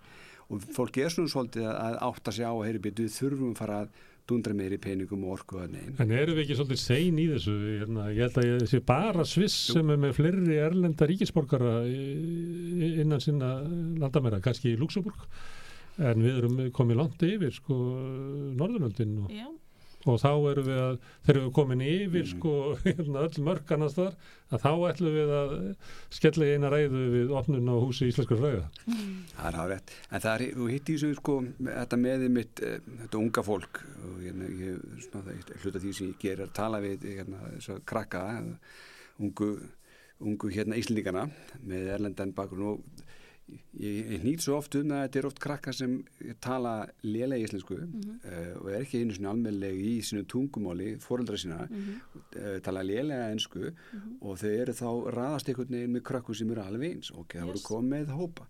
Þannig að samaskapi eru þessi krakkar ekki að skila sér inn í tómstundastarfsemi. Þeir eru ekki að koma inn í Þau eru íþróttufélagi. jafn óvelkomið þangað og í skólan. Já, og sko, ég, ég er ekki viss um þessi óviðkominu því að ég held að það sé ekki rétt. Nú starfa ég í, hérna, Mm. samfélagi sem við leggjum mikil, mikil, mikil áhersla á íþróttir Mm. og þetta það er er virkilega að vera. upplýsingarskortur sem er að fara Já. til foreldrana til að kveðja að senda barnið á tómstund. Og þá komum við með þessu sem við höfum stundum talað að því og vinni hérna á Hafnfjörðabæði þetta með hvernig getum við sko og við erum með reyndar ágættis fjölmenningafulltrú og allt þetta en okkur vantar svolítið að, að hérna, ná snertilfutti við fóreldrarna sem kannski kom út og ég man bara ungu, ungu stúlku hjá mér sem að gegna ágætlega var að segja að sko kultúrun, ég held að hún hafa verið póls, er ekki sá að við séum að keira okkur strax í tómsundir. Við erum ekkert að fara endalus á æfingar, við erum meira að fókusera á námi eða hvernig sem orðu þetta og sinna fjölskyldunni sem er ekki alveg íslenska viðmiðið. Þannig við þurfum einhvern veginn að að hjálpa þessari fjölskyldum að trista pingulítið kerfinu eins og það er með samtalinu sko ég held að það vanti En svolítið upp á akkurat er að trista kerfinu ef að kerfið brúðist þér. Það er erfitt mig, ég ætti erfitt með. Alveg rétt, já, en ég er ekki endilega víst að fólki hérna upplifa að, kerfið hefur brúðust en þau eru svolítið bara að reyna er, þú fennir ekki dugleiri fólk en, en hérna, fólki sem kemur frá Össundjáls það er bara alveg gríðarlega kraftmikið og hefur sitt, þannig að ég held að séu svolítið bara hérna okkur núna og sjáu kannski ekki endilega ramman eða leiðinu sem við höfum á að gera þessi krakka sig að fara sko. Og sjá kannski ekki endilega byrju okkur að vera eða tímanum ykkur tómsundir? Og þá kemur öðru vinkli sem ég líka svolítið upptökin af að því með þess að sömu krakka og ég minnist á sem eru ákveðin hópurinn að skólakerfinsins okkar, nú er ég ekki hérna fyrir að hafa tafniferð og ég finna það er sem við höfum á gera af og séu hvernig getum við náð til þeirra? Og séu við ef þetta væri Íslendingar og við höfum forvarnar eh, vinnan okkar í hvernig tíðan og að minna ást á hefði í, í dag hvernig fórum við vinna að hérna, fíkni forvarnunum og öllu þessu hluta þessu var hópastarf sem var kyrt í gegnum félagsmiðstöður og þetta til þess að ná krökkunum þar gríðarlega mikilvægt og ég er mikið talsmaður þeirra vinnu og það hefur bara svínvirkað og ekki orðbreið en þessi krakkar þeir verða þá líka að eigi einhverja fyrirminn sem kemur úr þeirra samfélagi og hvar fáum við þær? Það lítur að vera komin upp kynslu sem við þurfum að fara að tóa en komið vinni fyrir okkur inn í félagsmiðstöðin inn í skóluna og hjálpum þeim að búa til ykkur við getum orðið svona þótt við séum ekki fara í eðlursæði upp í Háskóla Íslands eskilið, mm. Þetta held ég að sé svolítið brautin sem við þurfum að geta nálgast Það er það en líka uh, ég er að tala frá, frá mína reynslu, ég er líka að vinna sem tólkur Mhm. uh, og uh, oftast á, á, á skólanum það sem er uh, svona stóri faktor í þessu er uh, einmitt upplýsingarskortur vegna Mhm. þess að flestir innflytjendur sem eru á vinnumarkaði á Íslandi eru að vinna Uh, svona láglauna vinnu svona 12-14 klukkutímar á, Mm. á dag mm. og eru ekki að pæla hvað ég að gera með krakkan mín Ég hef ekki Eh, tíma til þess að þau eru verið tvöfaldri vinnu. og, og þess vegna mér finnst að uh, skólana uh, skólan getur uh, verið uh, áðins dugleg, uh, dugleg, duglegri með því að senda posta í mörgum tung- tungumálum Mm, til að ná í fóreldra af uh, uh, erlendum uppruna og um, veita upplýsinga um það hvað er í bóði Já. Vegna þess að ég, ég er búin að vera hér í 16 ár og ég vissi ekki hvað er í bó- bóði Mm. í mörg, mörg ár. Já. þannig uh, þetta myndi hjálpa rosalega mikið. Og þetta er bara eitthvað pingulítið skreft bara til að tíða uh, uh, posta frá skólanum uh, og láta það uh, fara í dreifingu á milli innflytjenda. Mm. Hérna já, Já, nei, Nei, má ég segja þetta, af því að þetta er, þetta er svo mikilvægt, sko, bæði erum við að fjalla um, sko, að taka með, vel á móti, hérna, nýju fólki sem flyttu til Íslands og að það getur orðið hluti af samfélaginu Mhm. og, og hérna, og svo erum við að tala um fordóma Íslendinga eh, og svona staðalmyndir sem Íslendingar hafa um innflytjendur að þeir séu einhvern veginn hættulegri en aðrir landsmenn og svo erum við að tala um ofbeldi ungs fólks Mm. og það er bara þannig að það komi fram að sko hérna, inflytjendur eru ekki að keira upp vandamálið sem er ofbeldi ungs fólks. Þa, það er ekki þannig en við verum samt að, að því að staðalmyndirnar þá tengist þetta allt saman. Að hérna ég bara sko þannig aðeins vitni í tölur að því að það er í svo miklu uppáldi að mér þá sko fór ég í mjög viðamikla gagnaöflun uh, á öllu höfuborgarsvæðinu núna í lók síðast árs og, og byrjun þess árs þar sem að, að hérna, ég og, og samstarfsfólk mitt fór inn í alla skóla, við fórum í 8., 9. og 10. bekk og fyrsta bekk, eða sérst fyrsta ári framhaldsskólum og lögðum fyrir svona viðamikinn spurningarlista, uh, nafnlausan spurningarlista sem að krakkarnir svöruðu öll á skólatíma og ég var bara, er svona að byrja að greina gögnin að því þetta er, þetta er mjög stórt verkefni og hluti á svona, við erum 50 lönd að gera þetta samskonar og þar til dæmis sé ég að, að hérna krakkar sem eru með erlenda bakgrunn þau eru ekki líkleri en þau sem hafa íslenska bakgrunn til að brjóta af sér eða beita ofbeldi er hérna, þau eru það bara alls ekki Mm. og þannig að það komi skýrt fram að þetta er ekki sami vandin þó að hann sé skildur Mm. út af þessu en má ég spyrja þá, ef að við höldum áfram að hafa mentakerfi þannig að innfly, börnin flytjenda Já. lenda á jæðri samfélagsins, þá eru við að auka líkunar á því að þau fari út í, við lifi á jæðri samfélagsins og beigi sig ekki undir svona lögmálinn í samfélaginu meðan annars fara að byrja vopn og annars líkt. það Það segir bara mannkisaðan okkur. það er nefnilega hérna, og gott á nefnin þetta það er nefnilega því að núna er lag á því að, að fara að bregðast við Mm. og, og hérna uh, og, og, og bregðast bæði við þessu svona uh, þessari hérna þessu fordómum sem við erum byrjuð Mm. að upplifa uh, og svo líka bara þessum aðstæðum sem að inflytjendur eru, eru að hérna eins og þú hefur reynslu á og ert að segja okkur frá og, og við verðum að bregðast við núna því að sko þú nefndir þarna hversu hátt hlutfall inflytjenda er á Íslandi í svona evrósku samaburði Já. og þegar við spá, sko, skoðum þróunna þá hefur hún verið hraðari á Íslandi en uh, bara á flestum öðru Þú stöðum ert að fara til bara New York og 19. öldinni eða eitthvað til Já. að finna þetta. Mm. þannig að það, það er bara hárið þess vegna þurfum við að bregðast við núna annars erum við En fólk svo alltaf saman. Já. Að, að, til dæmis, hérna, ég held að séu til rannsóknir sem sína það að, að þú greinir fé- félagsleg atriði í Mhm. Svíþjóð, að þá kemur í ljós að það eru minni líkur til þess að, að innflytjendur beita ofbeldi heldur en aðrir. En svo kemur í ljós að, þeir eru fjölmennari hlutastlega í þeim hópum sem eru líklegri til þess að fremja ofbeldi. Ef ykkur skilur þetta, að það er þess að við erum með þess að tvær ólíku breytur. Sko. En þetta, fólk rugglar svo alltaf saman. Já, Já, já. Það, það vantar uh, mentun í uh, fjölbreyti uh, um fjölbreyti, Mm. um fjölmenning En, en, eh, já, annað, það, en eh, Íslendingar er ekkert, eh, þegar Íslendingar er að tala um innflytjendur, þá Mm. viljur alltaf að þeir aðlægist samfélaginu. Þannig það er umvel ekki krafum fjölbreytni, heldur að erlend fólk verði eins og við.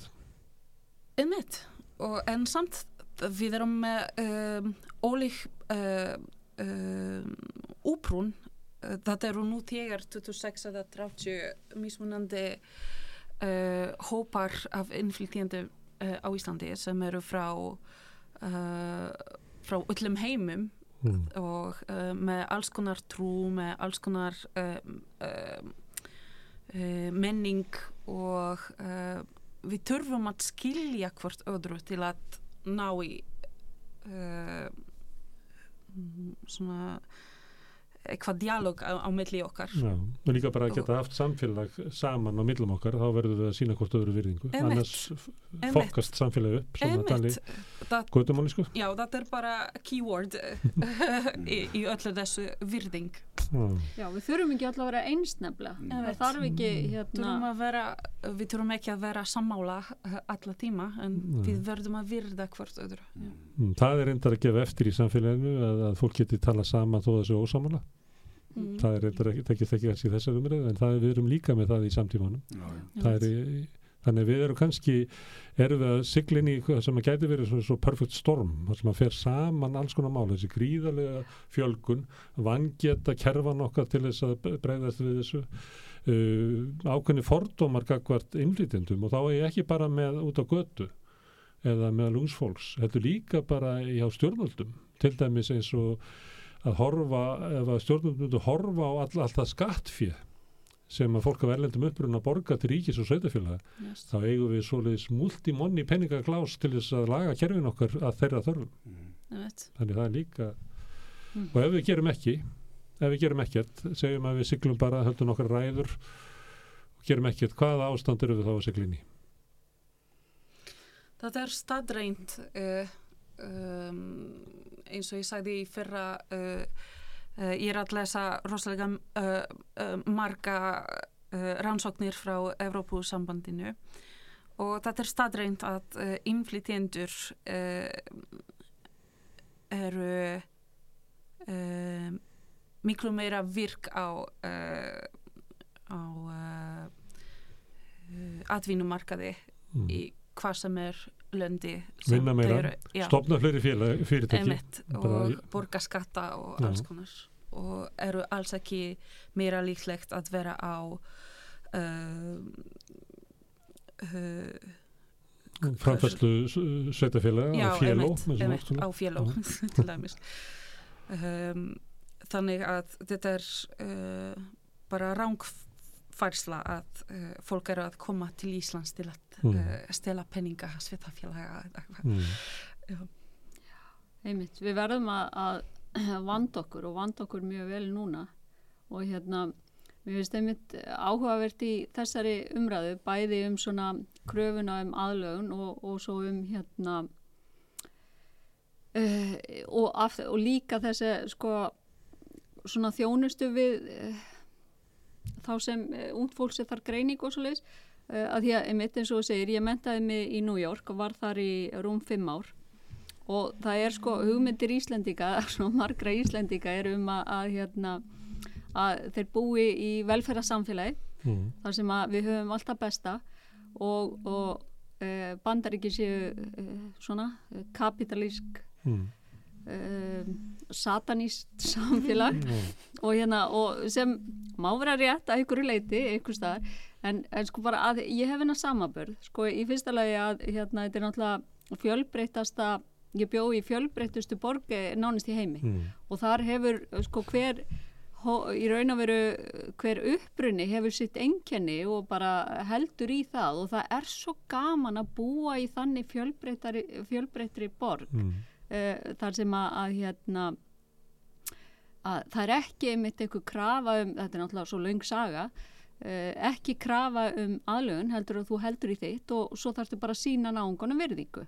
Mm. og það er eitt sko og saman búum við til öflugt samfélag. Og saman búum við til öflugt samfélag. Ég er ekki að segja að hérna New York sé eitthvað fyrirmyndaríki en bara þessu leiti sé ég svo mikið mun sko. Og svo að hérna sem bara af persónulegri reynslu að vera móðir drengs sem er fallaður og þarf, þurfti greiningu og þurfti þjónustu að þá fekk hann bara svo miklu miklu betri þjónustu í þessu kapitalíska hérna, eða allavega í New York sem að, fór í sérstakt átak fyrir nokkrum árum sem að hefur einblítt á early intervention, þar að segja svona snemtæka eh, yngripp mm. og þar sem að, að hérna, hann fekk strax greiningu og fe- byrjaði strax að fá viðjandi þjónustu sem hann eru ekki ennþá fengið síðan við fluttum átt til Íslands. Þetta er sorgarsaga sem margir sem hafa flutt til Íslands og líka fólk sem hefur flutt frá Íslandi Já, hefur, getur sagt mm, að það er munurinn á hvað við segja, svona félagslegri þjónustu sveitafélagana á Íslandi og öðru löndum er svolítið sorgleg, Já. okkur í óhag. Herðu, en að því að þið voru að tala um áðan um hérna, uh, hérna svona átak sem var í íslensku samfélagi, okkar vímuefna notkun ungmenna sem að tengdist ímsu uppbyggingu félagsmiðstöða og því líklega er þetta viðbröð við hallarinsplaninu, eitthvað svona ástandi sem var hérna, við höfum að bjarga ungmennunum, það var alls konar aðgerði gerðar. Mhm. uh, alls konar forvarnar átök byggt upp félagslegt þarf uh, hækkaður sjálfræðisaldurinn og guðma þetta hvað ekki getur verið að, að viljin til aðgerða þá að við verum að horfa á börnin okkar á glapstökum að það væri meiri vilji í okkar samfélagi þá heldur en það er í dag vegna þess að við uh, við, einhver fyrirbriði selur sér það að börnin á glapstónu getur verið hínir eða börn af öðlendum uppruna og við berum ekki sömu ábyrðin á því að grípa eitthvað til aðgerða til þess að bjarga þeim Ég, svo, ég, svo veit ég ekki endilega,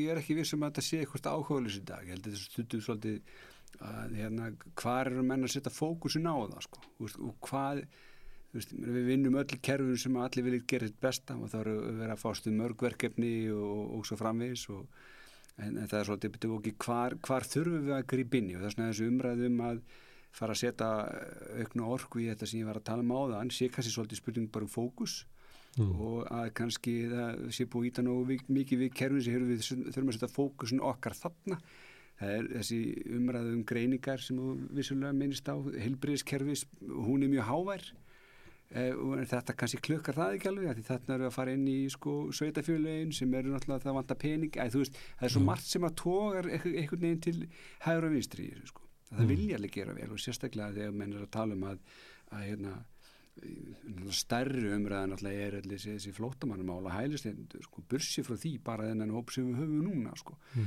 þannig að þetta druknar oft kannski líka sko, pólitísku þvargi um einhverja grensur og svo framvegis Mm. þannig að fyrir að segja ef, ef að fókus á hópin sem við höfum sko. Mm. við vist súrat hafi ekki verið nóg hávær heldur á okkur svona pólitísku þvargi um Mm. flóttafólk og við, við vist það ekki alveg verið að það sem að skipti kannski, já, það skilur hver að fara með það, það mm. Þurfum að setja undir okkur hausinn, fara í forvarnavinn og þessi, þessi krakkar eru að það núna þarf ekkit rosalega mikið, það er bara að setjum fókus á þetta Upplifðu þú það Jóhann að þegar þú ert að benda á vandan að, að viðbröðin séu svona þetta sé ykkar vandamál, ekki okkar vandamál Ég held ekki. Nei. Það sé að vilji til þess að grípa Mm. til aðgerða Að sjálfsögja. mm.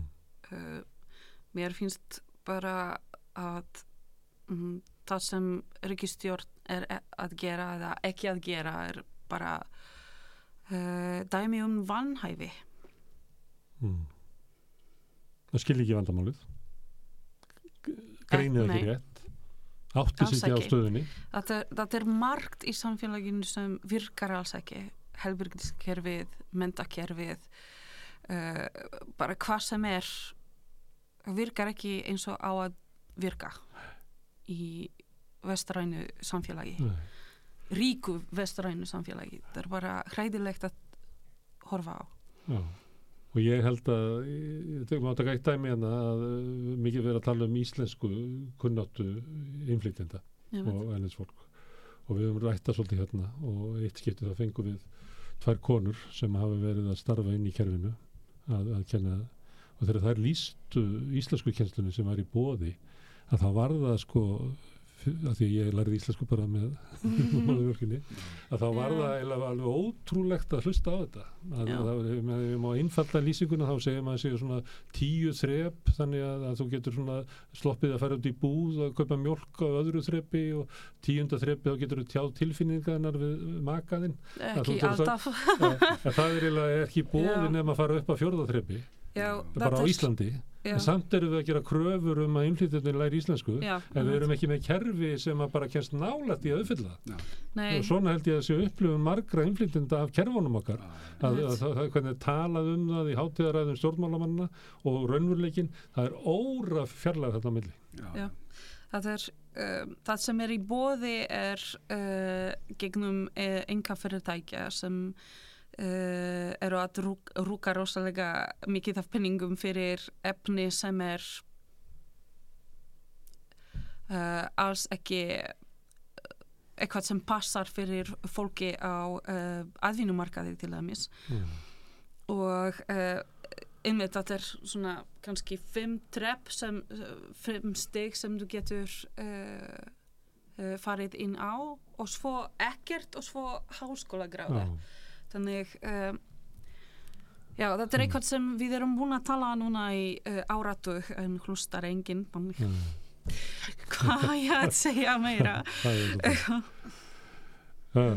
En mér finnst þetta hérna, mér finnst þetta góðu punktur samt sem þú komst með hana hvort að, að hérna að við upplifum freka núna þetta séu hérna ekki okkar eigin börn, Mm. heldur þetta séu annara manna börn sem séu bæði að verða fyrir og valda þessum uh, vanda sem við sjáum núna og þess vegna kannski svona uh, þegar það er þannig að þá er maður til dæmis, þá sér maður lausnina í hörku. Að hérna og það er svona uh, svona smá orræðan sko, sem hefur í gangi að við þurfum að breyðast við að hörku svona refsandi hörku. Mm.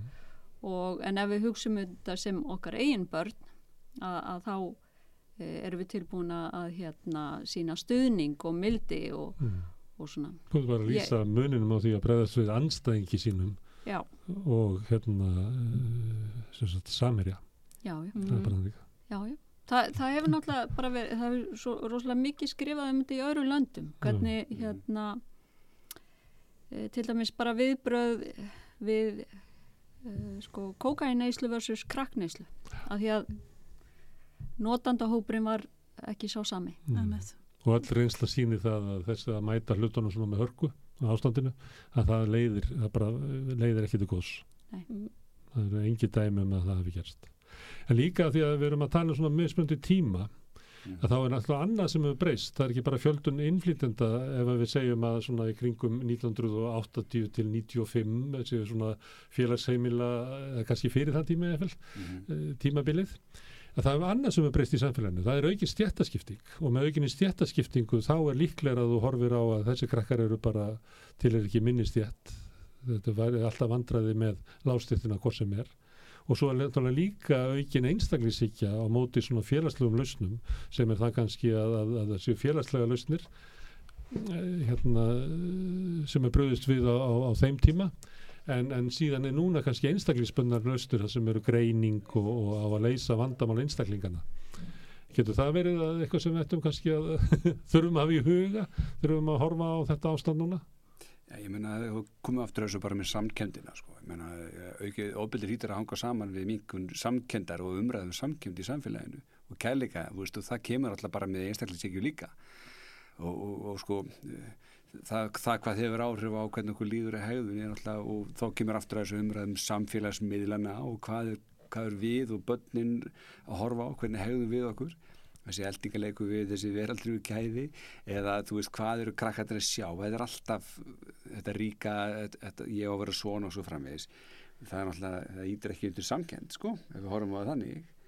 Þannig við þurfum líka að sko, skoða því samiki Já, einmitt og, og hérna á þess að vera of dramatíska Nei. þá held ég að eh, sko, eða ég held það ekki, það bara er, er í, byrtist í rannsóknum að uh, efnaðarslegur og félagslegur ójöfnur er bara rót alls íls mm. að, að hérna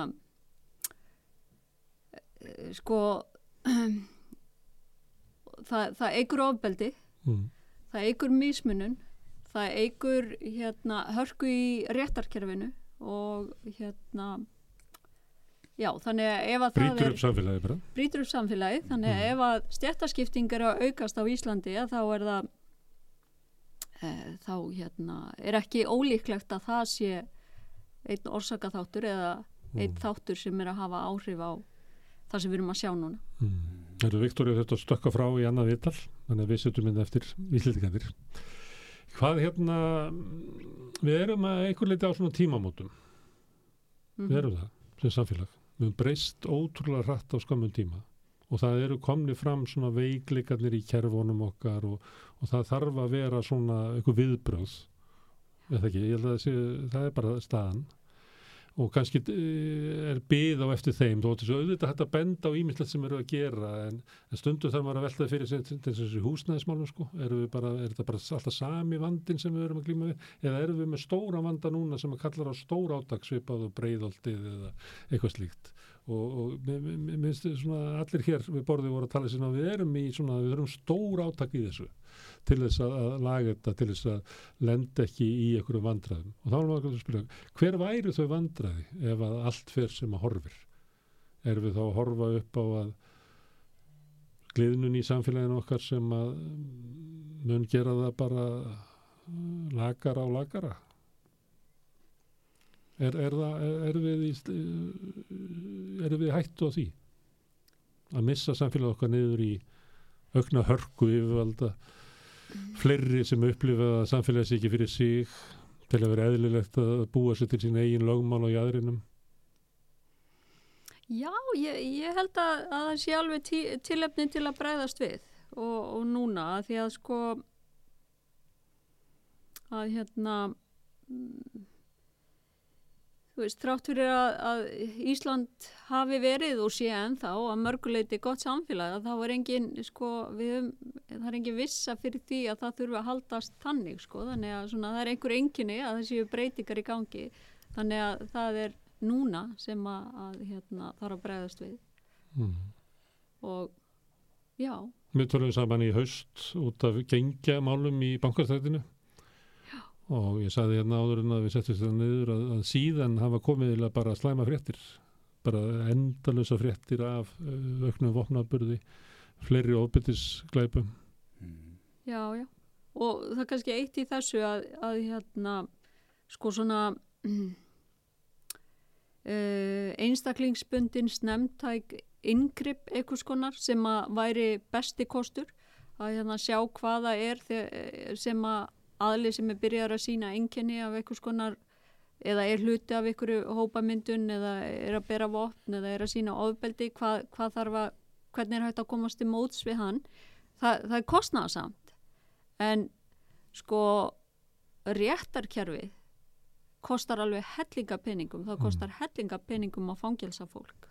Mm. bara þannig að við höfum svona samanbyrð að það, það kostar allt. En hvar viljum við að penningarnir okkar uh, fari eða hvert viljum að þeir fari það, við þurfum alltaf bara, það er bara ákvörðun. Þannig að endurómar hérna, sjónamið frá defund the police að það sé, getur verið varasamt að, að leggja alla fjárfæstikuna í, í lögjum og dómskerfið Já, en, sk, ég myndur ekki tala um algjörlega defund the police, ég stið það ekki en, en það er, gaggrínin er svo að bakvið það, það slag og það að að það sé miklu betur varðið penningunum í að byggja upp sko félagslegu kerfin okkar. Já.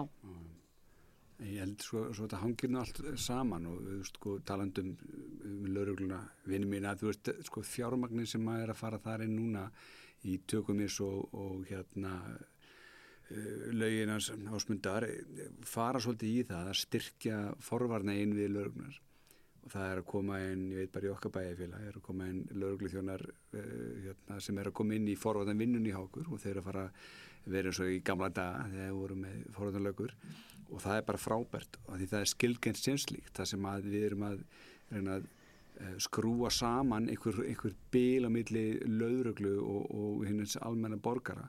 Og það hefur að gera með krakkana sem eru erundibergi brotni, ég menna þessi krakkarnir sem eru komið sem hælusett eru skítrætti við laurugluðuna þetta viljum við ekki.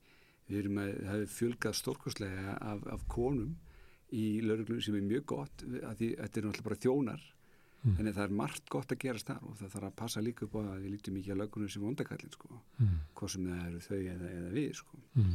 En til þess að vera með svona hvað, snembar ingripp mm. þá þarf að ebla félagsstjónustuna á, svo er það hitt og mm. það er það sem að sveitafélagi slíkt er, er að reyna einhvern veginn að gera, að reyna alltaf það þarf að vera til staðar húsnæði fyrir fátakafólki eh, þessi einstaklingar sem að er að lendi á, á glapstíkum hvað sem það er bankastætti mála og einhverstaður leiðinu voruð með broti bakland. Mm. og það er alltaf breytan sem að hérna, sem að kerið í gangi, menna óbeldi er, hérna, er oftast afleiðinga óta veist, þannig að einhvers stað keirir þetta upp. Og við, þannig þurfum við að stíga inn í, umræðina við sem að spotta út þessar fjölskyldur sem eru viðkamar og við sem erum að vinna í félagsstjóðustur erum alltaf að reyna þetta. En þetta er bara þarf að vera samstarf allra það er svo mikilvægt og þess að setja hérna farsaldar frumvarfi ekki sem einhvern pólitíkst innleg en, en þar fara kerfin þó að vinna saman. Þar eru svolítið að pýna heilbríðiskerfin til að vinna með okkur og svo framvegis. Þannig séðlar að tala saman, við sjáum þess að krakka fyrr. Heilbríðiskerfið spottar þess að krakka sem að læpa í kringu sig niður í bara ungbarnavendinni. Og það er átt að byrja. Þannig að er hægt að eldast við þetta. Eldast uppi mm. til að geta stuttu bara gríðarlega mikilvægt Það er hugmyndafræðin að spurning hvort að hún sé fjármanglis Já, vonandi, við viljum vona að við fáum pening þetta. Mm. það er fyrir okkur all bara mm. besta mál. Herru, Margret og Haugur Kæra þakkir. Og Viktoria sem að þurfti að breyða sér í annað vital það kom henni líka kjærlega fyrir. Og snúum okkur að næsta máli eftir augnumleik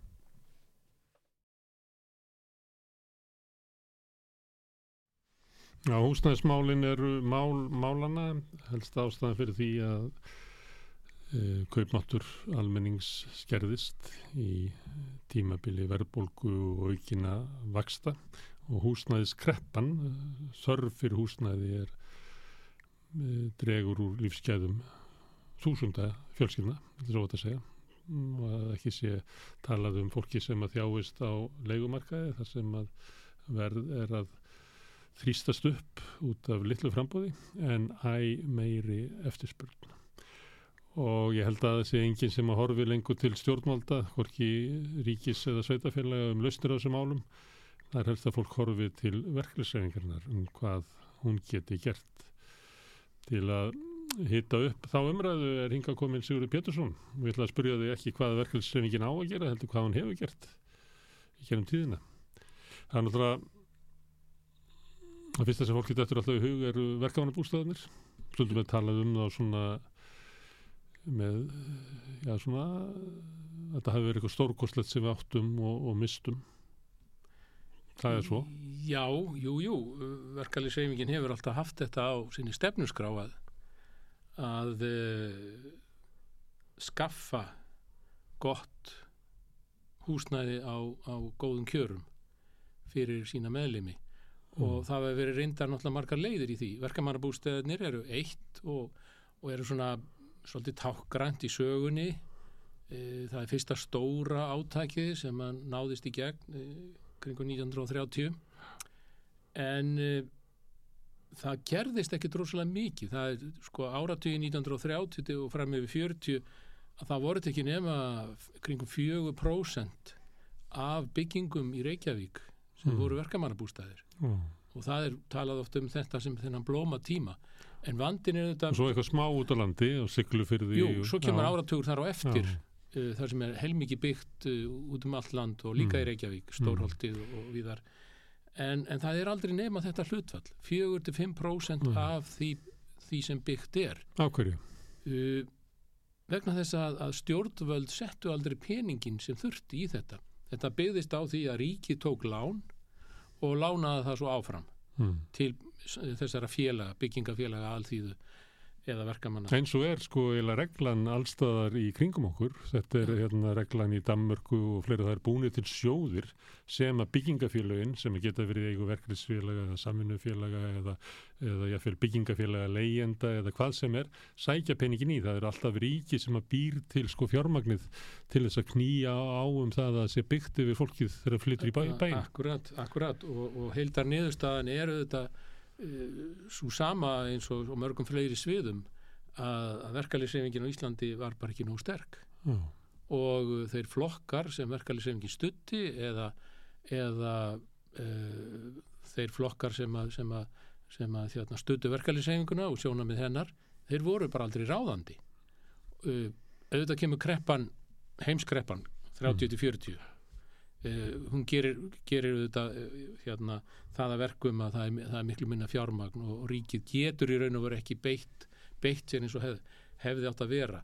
Uh, það kemur ljósklæta með nýsköpunarstjórninni eftir stríð og þá er sett svolítið fjármagn út um alland í mm. verkamannabústaðkerfið en, en fljótlega þá dagar það uppi einhvern veginn og áherslan verður miklu meiri á byggingarsamfunni félög og svo setna meira á, á einstaklingslán til, til almennings. En, En, En áður en kemur að breyðaltinu, þar sem að það endurfæðast, að þá er kannski tímabil sem að er einmitt byggingasaminu félagin, þar sem að við þekkjum sko kennarablokkina og einhvern veginn bjó ég í, í næsta húsi við löggublokkina og, og það voru alls konar rafir blokkir og svona. Þetta, þetta tímabil þar sem að sko verkefliðsfélagin uh, taka að sér svona, svona verklega framkvæmd um að bara byggja yfir sína félagsmenn var þetta kannski svona hinnar skársettu stjettir sem að gáttu gert þetta en, en lálauna stjettirna svona verka fólkið satt eftir í, á þessu tímabil Já, mér sýnist það að mörguleiti. Uh, þetta er, þetta er mi millistjettin. Þetta eru starfsmannafélög og, og, og íms, ímis slík félög og, og, og reyndar líka stjettafélög Já. sem standa bak við þessi eh, byggingarsaminu félög en, eh, en það er ákveðin hópur sem, sem að nær, nær ekki inn í það kerfi. Og, og verkamannabústaðkerfið var það, það var ekki það mikið byggt Já. að það næði heldur utanum uh, þennan hóp. Þannig að, að það er alltaf ákveðin hópur sem var skilin eftir. Mm. og, og þannig var það. En byggingarsamann í félagin voru þetta stór merkilegt framtak og, og fræg eru, eru þetta prentarablokkinar Já. Sem voru stór Já, hísi þeir voru, voru, voru framalega í því einna, einna stæðstir sko. Já, já. en það voru allar stjettir það var, það var sko starfsmannafélag ríkis mm. nei, stjórnaráðsins eh, sem voru, voru skrifstofumenn jafnvel háskólamentaðir Eh, það voru hvers, hverskins hópar sem, að- sem eh, tóku þátt í þessu byggingasaminu félagunum Þetta er áhugaverðu kapli sem var líka gaman að tala bara við arkitekta um því að þarna er það þeir sem ætla að búa í húsnæðinu er að taka þátt í hönnu þeirra, byggingu og mótun þeirra á meðan að við lifum í dag á tímabili þar sem að sko verktakandi bara framlega vöru uh, út frá áallunum sínum um hérna, vilja eða hvernig gengur að selja það, hvernig það lukkar í auglýsingum og öðru slíku sem að ræður eiginlega hvernig húsnæðið er. það er alveg rétt og, og út frá svona byggingasögunni að þá bæði verkamannabústæðinir og Mm. byggingarsaminu félagin eru þetta svolítið merkilega þessu leiti að, að, að vantanlegir íbúar tóku þátt í að móta Já. íbúðirnar, sameilegu rýmin uh, og, og það er einmitt prentarablokkinnar, sólheimablokkinnar og, og víðar þar sem að þessi sameilegu rými og þá komið fram í þessar hugmyndir og tilraunir Mm. á mörgum sviðum en, en, en slíkt gerist valla í, í, í höndunum á, á þessum byggingafélögum eða verktökum sem Nei. að núna stjórna Nei. í raun og veru uppbyggingunni. kannski fjöllum við um þetta nánar með datt nú í huga ekkert um um daginn að, að það veri gaman bara að búa til rútuferð og keira um Reykjavík til þess að sína það hvernig sko saminu félög og verka líðsfélög og verkefnisreifingin hefur byggt upp borgina því það er miklu miklu meira heldur, held ég heldur en að fólk gerir sér almennt grein fyrir Já, þetta sé alveg rétt það. Það var mjög forvittnilegt og, Já, og tala við Pétur Ármannsson arkitekt um þetta. taka eitt, eitt rúmt um Reykjavík. Herðu, en þá erum við komin að, að, að, að, að það er byggingarsamvinnu félög sem að leysa kannski eitthvað vanda uh, hinnar skársetta vinnuafls en lálina fólkið, verka fólkið situr eftir og þá er komið að júnisamkomuleginu 1964 Þá kemur einmitt þetta stóra átak sem að kannski var staðista átakið á síðustu öld í hús, húsnæðismálum og það er júnisamkomulagið 64 og svo framlengingin á því 65 e, þar sem að verkefliðsreifingin og ríkisvaldið taka höndum saman og e, þetta er gert í, í stóru samfloti ASI félagana þar sem að, aturreikundur, ríkisvaldið og verkefliðsreifingin, þessi þrý hliða samningar er að koma til. Og þá uh, í, í raun og veru er, er slegið af kaupækkunakröfum og í staðinn að þá kemur átaki í húsnæðismálum. Mm. Þetta hafði þetta gerst uh, 55 í, í stóra verkvallinu þegar að, að, að verkefliðsefingin gaf eftir uh, hluta kaupækkun og fekk í staðinn aðtunleys tryggingarnar en, en þannig er það húsnæðismálin 1, 2 og 3 og það eru þetta, á bakvið þetta eru þetta líka alltaf sama aðstreymið það, það fólki fjölgar gríðarlega í Reykjavík og staðstu bæjónum og, og, og þessi áframhaldandi þróun þar sem að, að, að það er alltaf verið að, reyna að leysa vandan þegar, sem er orðin gríðarlega mikill. Brakkarnir á sínu tíma eftir stríð uh, eiginlega leistu að hluta til vanda fátakasta fólksins og síðan var alltaf krafan að útrýma bröggunum mm. sem að voru hreinlega fátækra hverfi Mm. í raun og veru. Höfðaborginu á Pólunum. Og höfðaborginu bráða, einmitt. Bráðabyrða lausnum fyrir tíðar. Sem að, sem að voru fyrir fátakasta fólki í Mm. Reykjavík í raun og veru og þá kemur þetta stór átak Mm. 64-65 um það að byggja mörg hundruð íbúður á ári miklu fleiri heldur en hafði verið gert í verkamannabústaðkerfinu áður og breiðholti rís Mm. og á 5-10 árum þá rís fyrst eh, neðra breiðholtið og svo efra breiðholtið og þetta eru fleiri hundruð íbúðir á hverju einasta ári mm. en þeir, þær eru ekki allar inn í sama kerfinu hlut af íbúðunum eh, eru, eru leigu íbúður við Reykjavíkuborgar Mm. Hluti á, á vegum framkvæmdanemdarinnar uh, sem eru þá sölu íbúðir Mm. og hluti fyrir í verkamannabústaðkerfið Mm. en þetta er, þetta er eiginlega allt sama hvað, hvað við tökum af þessu að þarna er verið að búa til gott húsnæði fyrir launafólk Mm. á þokkalegum kjörum Þetta er svona okkar miljóna verkefni sem svo hétt í Svíþjóð þegar að, uh, svíjarnir reyndu að leysa húsnæðisekluna sem að hrjáði Svíþjóð eins og Ísland uh, í einu höggi á tíu árum byggja miljón íbúður. Já, ég mitt Já, það er eiginlega að þetta og- alveg sama tímabil. þetta er svipa tímabili kannski Já. og, og, og flestar þjóðir er að glíma við á eftirstrís árunum og þar sem að þessu stóru blokkabygðir Mm. misvel hefnaður auðvitað Já, já. en, en, en þarna verður til mikið húsnæði fyrir almenning Já, það var aldraðu svíi sem sagði við mig að hérna, ég get ekki líst í breytingun á Svíþjóð fyrir og eftir miljónverkefnið. Það var eins og allt í hennu hefði slegið á þögn á samfélagið. Að það var hann að tala um að, að það er ekki fyrr en að þú kemur út úr húsnæðiskreppunni að þú finnur fyrir hvað gríðarlega árif hún hefur á allt samfélagið. Eins og við getum bara fundið í dag, við getum talað um ástandið á Íslandi í dag og bent á að, að margt af deilunum sem eru, átökunum sem eru í samfélaginu eru afleðingar af húsnæðiskreppu.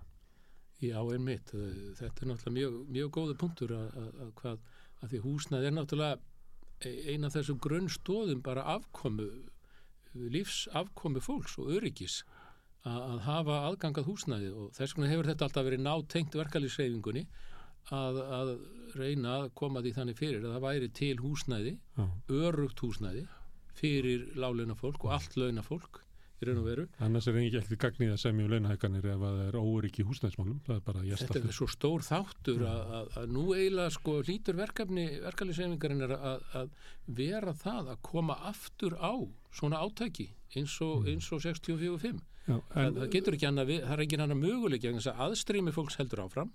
Nú erum við að fá erlend verkafólk. Já, ekki, nú er ekki vestfyrringarnir. Nú er það ekki vestfyrringarnir. og, og, og, og, og fólki úr sveitónum Nei. sem, að- sem að streymir til bæjana og, og borgarinnar. E, nú er það fólk sem er að koma erlendis frá og, og sem, að, sem að fyllir e, leigu íbúðirnar og við sjáum dæmin alveg bara jafn, slæm dæmi eins og fyrir hundrað árum um óíbúðar hæft húsnæði sem er í raun og veru verið að leia á uppbrengdu verði það verið að nýta sér neyð fólks og, og þetta er bara sama ástandið eins og var fyrir 100 til 120 árum síðan. Og, og, og nú hljóta sko það sem að hefur reynst vel jú, eru þessi félagslegu úrræði, hvort sem við tölum með verkamannabústæði samvinnu félags, samvinnu húsnæði nú eða, eða þetta stór átak sem verkefliðsvegingin og ríkistjórnin fór í upp á 1964-5 við sjáum ákveðna sprota kannski í dag. Mm. búsettarhefingin er, er er nú orðin 30-40 ára gömul. Já, hún kemur svona í kringum 1980 eða svona eftir kemur, 1980. kemur eftir 1980 inn. Eh, en það er sama eins og með verkamannabústæðina þetta er mjög takmarka fjármagn sem, að- sem að þeir fá til þess að, að, að í sitt, sitt úrræði. E, nú er komið húsnæðisfélagi Bjarg sem er leigufélag. Mm. Og, og það er kannski svolítið loksins þá er komið sko það sem að, að var komið á Norðurlöndunum fyrir 100 árum það er að segja leigufélög Já. þar sem þú færð örugt húsnæði en þú eignast það ekki Mm. en þú hefur umráð yfir því eins lengi og þú vilt og jafnvel börnið þín og eftir þér en, en, en þú ert ekki í þessari eigna myndun sem að Íslendingar voru svo uppteknir af alla 20. öldina Mm. að, að eiga sitt eigið húsnæði en það var það eini möguleikin á öryggi þá við þekktum ekkit annað öryggi Heldur það að, að val verkefnisreifingarnar bara strax 1930 sem hún endur tekur eiginlega í 64 um að leggja höfuð áherslu á egna íbúðir hafi verið eftir á, eh, eftir á að higgja uh, verið veikleiki í kerfinu? Já, mér finnst það svona að ef maður horfir tilbaka að eh, ef að við hefðum farið þá braut eins og var gert í Kaupmannahöfn eða, eða víðar, Östuríki og Þískalandi í, í ákveðnum borgum, stórborgum, þar sem oftast voru það nú jafnað með sem stjórnuðu þeim borgum og stóðu fyrir þessum, þessari húsnæðis uppbyggingu á vegum stórra leigufélaga, þar sem var byggt hagkvæmt, gott húsnæði sem fólk hatt fengið uh, að búa í til með öryggi og uh, jafnframt þá verður til uh, samkeppni á leigumarkanum við almenn leigufélög þar sem að, að, þessi félög ná að halda niðri leiguverðinu, mm. e, ná að skapa möguleika fyrir fólk sem vill örugt húsnæði án þess að eignast það og þessi möguleiki hefur aldrei verið til á Íslandi. Mm. Ef að verkefælisveiningin hefði náða að búa til þennan möguleika á sínu tíma þá er spurningin hvort við stæðum í öðrum sporum en mm. það er aldrei hús seint nú er, nú er kannski verkefnið komið og bjarg er orðið til þó svo að það sé eins og verkefmannabústæðakerfi það er ekki nema áallun upp á 100 íbúður á ári eða sem er, sem er tíu sunnum og lítið kannski mm. miða við aðstreymi fólks og þörfina mm. og verkefmannabústæðinir fjallu svolítið á þessar eigna myndun að þegar að, að ríkistjórn sjálfstæðsflokks og framsflokks samsýtti það að, að gefa fólki færi á að selja út úr kerfinu þetta var loka kerfi þar sem að Þú, þar sem að þú lagðir inn þá fyrstu það bara verðbætt tilbaka Correct. það var reyndar hérna, verið að svindla svolítið á þessu hérna, verið, mér hefur verið bent á það að, að það var alltaf lakar og lakar í sko kjörin sem þú fyrst endugriðt út úr kerfinu því það var verið að bæta þess að ríkið tekur lánið og svo er lánað á lágum vöxtum út þannig það er alltaf hallið þarna. Það er alltaf verið að reyna að finna ykkur leiðir til þess að láta þá sem að áttu íbúðunar voru að selja aftur inn í, inn í kerfið bera það. Þannig að fólk fekk tilbaka minna en það lagði til sem að er ósangjönd og þess að var kerfið hjá kannski þeir sem voru þarna óvinsalla og þegar þetta er lagt til að það maður selja út úr kerfinu að þá náttúrulega fær, sér fólk fram að það getur fengið sko tíu sunni meira að selja íbúðuna á frjálsum markaði heldur en tilbaka í kerfinu já, og já. þá fellur það. Þetta er, þetta er alveg harriðt og það var mikil óanæja með þetta kerfi eftir, eftir eh, áratvíi verðbólgunar og, og það allt saman að það var eins og segir að það var þetta loka kerfi mm. síðan er það í raun og veru aftengt verkalýsfélagunum það er mikið uppbyggingarskeið um all land millir 70, 80 og svo 80 og 90 Já. þar sem að sveitafélagin eiginlega hafa frumkvæðið og taka yfir verkamannabústaða stjórnindar mm. og, og þá er eiginlega verkefælisreifingunum svona ítt í burtu en þá líka verða til uh, verkamannabústaðir sem að voru miklu dýrari mm. þeir voru ekki byggðir með hafkvæmasta hætti það var verið að halda upp í atvinni verktaka út um all land við að byggja verkamannabústaði mm. og, og þeir eru dýrir. Og eigna myndun fólks hægari og, og þetta ítti undir það að gera kerfið óvinsætla og, og fólk, það var engin lengur til þess að verja kerfið í raun og veru mm. þannig að þegar það var lagt niður um kringu 2000 að, að, að þá var engin til þess að, að verja það í raun og veru En uh, 64 er þetta samkvæm að gert, en síðan á áttundarátugnum, þá er gerður aftur svona byggingi, þá er bætt í, þá er eins og verklæsreifingin upplifað þess að góða reynslu af þessu breyðaltinu og þá er eiginlega í kjærasamningum kom, koma aftur fyrir krafa um og uppbygging á félagslegu húsnæði sem bara hlutfall af nýjum íbúðum bara sló upp í hvað 30 pluss prósent á áttundarátugnum og... Já, já, já. Mm. 74 í samningunum er gerð stór áttak og, og þá er þetta ekki lengur bundið við Reykjavík eins og var svo mikið þarna 64-5 heldur nú er það kominir eiginlega komið um all land mikil uppbygging um all land og helst í hendur við skuttugara byggingbyltinguna og, og fjölkun fólks í öllum landslutum millir 70-80 og, og jafnvel ennþá lengur inn á nýjunda áratugin að þá er félagslegt húsnæði og það, annar, annars vegar eru það verkamannabústæðir en það er líka mikil uppbygging á vegum sveitafélaga mm. leigu íbúðir á vegum sveitafélaga til að tryggja uh, að, já, tryggja það að, að fólk sem vil flytja í, í, í, í sveitafélagin út um all land uh, geti hérna átt kost á, á íbúðum mm.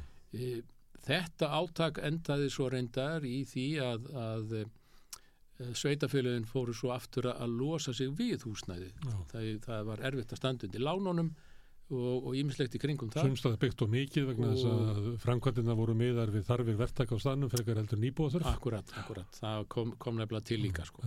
Íslandi hefur lengi verið ramspilt samfélag. Það, það, hún, hún spillingin laumast víða inn, já, það má alveg segja og í þessum félagslegu úrræðum þá, þá, þá laumast hún líka inn og, og síðan höfum við núna þrjá ára tíu þar sem að, að sveitafjölugin hafi og verið að reyna að komast út af markaðnum og, og, og svo hugsun hefur verið mjög sterk að, að sveitafélagin eigi ekki að bjóða mm. uh, íbúum sínum eða fátakari hluta íbúana mm. upp á leiguhúsnaði í samkeppni við enga markaði Allra síst á lægra verði heldur markaðurinn þú myndir svo að sveitafélagin leigi hinnu fátakustu á markasverði og síðan fáið bætt hérna, já, já, hérna í kennum leigubætur. Sem er eiginlega eins og aðferð sem hefur nótuð í Breitlandi sem er aðferð til þess að raunverulega enga væða félagslegt íbúðakerfi því þá allt í neitt daginn þá spyrðu við að þar þá Reykjavík þá eiga félagsbústaði, get ekki þá bara alma leigufélag átt þetta og matasískinin og því að hvort sem er bætu við fólkinu þetta en áður það kemur að greiðslu leigunar. Akkurat og, og þetta hefur verið í, í sveitarstjórnunum, við tekist svolítið á um þetta en, mm. en í raun og veri hefur sjálfstæðisflokkurinn og bandamenn hans haft yfir tökin í sveitarfélagunum mm. að þessu leiti. Það er að segja að, að fækka félagslegum leiguýbúðum á vegum sveitarfélagana og íta þessu út á markaðin. Mm. En ef við fyrir kannski svona til 1990 sem er kannski hápunkturinn á þeirri hústæðistefnu sem að má reykja til júni samkomlagsins það sem er mm. að verða að byggja verkamannabústæði ekki bara í breyðoltið heldur grafavoru nýju byggingu, þar eru verkamannabústæðir það er verið að byggja félagslegt leigu íbúð leigu íbúðir sveitafélagin ekki bara Reykjavík heldur út um all land og verkamannabústæðir út um all land. Jóhann er að koma á hérna, húsbrefakerfinu mm. til þess að auka lánsfið inn á svona almenna byggingamarkað. Að þetta er eiginlega á, á þessu tíma er verið að eh, kannski já, eh, það slæri upp í 30% af því sem hefur byggt er, er innan einhvers svona félagslegt skerfis en þetta er eiginlega eh, síðan er það ríkistofn framsóknar og sjálfstaflokk sem eiginlega leggur af þessa húsnæðistefnu og tekur upp þá stefnu sem er í gildi núna með því að raunverulega enga væða uh, verkefnabústæðina, það er enga væðing mm -hmm. þegar þú mátt selja út á kerfinu já, já. Uh, leigu hérna, félagslegar leigu íbúður sveitafélagin eru stórleita engavettar, selda bara út á markaðin lánin inn í, í almennamarka það er engavætt, það var áður í húsnæðistofnun og íbjörlunarsjóði en bankarnir koma og takaði yfir og íbjörlunarsjóður er núna gött og skuffa eitthvað stöð Já, með, með, með stóru gati stóru gati um og eiginlega afskipti stjórnvalda að kerfinu, hún bara stjórnvalda draga sig til, til hljés og þá sittum við uppi með stöðuna sem er í dag uh mhm. -huh. sem er eiginlega húsnæðskerfi án áhrif að verkefliðsreifingarna nema bjarg sem að þó svo að bjarg hafi vaksið hratt að þá er það raunverulega hlægilega lítið í samaburði við það sem að félagslega kerfi áður var Al, Alveg rétt og og uh, við segjum að, að, að bjarg er, er svona kannski bóðberi nýra tíma. Og uh, ég sá inn á heimasíðinu þeirra núna að, að það er komnar 900 íbúðir í, í, í gagnið. En uh, jáfnframt er að getum að séð á heimasíðinu þeirra að það er ekki verið að tala um nema 100 til 150 íbúðir á ári, næstu árin. Sem er svolítið sjokk að sjá vegna þess að maður haldi að það þyrtir svona tíu, tíu sinnum fleiri íbúðir inn í þetta kerfi fyrir uh, almennt launafólk, fyrir aðstreymi Erlends vinnuarf sem að vil setjast hér að mm. og fyrir þá sem að ekki uh, ná mörgum í þessu greiðslumarki bankana og, og, og það, er þar alveg dæmt til þess að, að fara á leikumarkaðin og vera í raun og veru uh, undirselt þessum gömmum sem að, sem að það ráða ríkjum. Mm.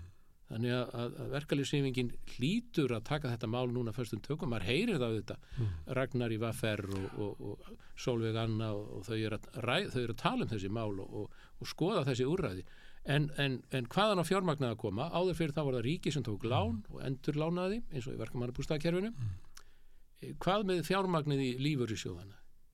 Af hverju eru lífurisjóðanir ekki notaðir mm. í þetta málefni? Herðu, ég ætla að segja það reitt, hérna, ég var í New York og þá gistum hérna niður á Lower East Side og það er uh, svona upp við Chinatown. En hínum megin er það sem er kallað hérna, Cooperative City, uh, Village samvinnu þorpið og það er út af byggingasamvinnu félagum sem eru stóra blokkir, ég veit ekki hvort að fólk munið þetta, það eru svona uh, rauður múrstins stórar blokkir hérna uh, rétt við Brooklyn Bridge eða Manhattan Bridge eiginlega frekar. Fyrir ofan, það er kallað Two Bridges það hverfi en þetta er aðeins fyrir ofan þannig að Lower East Side.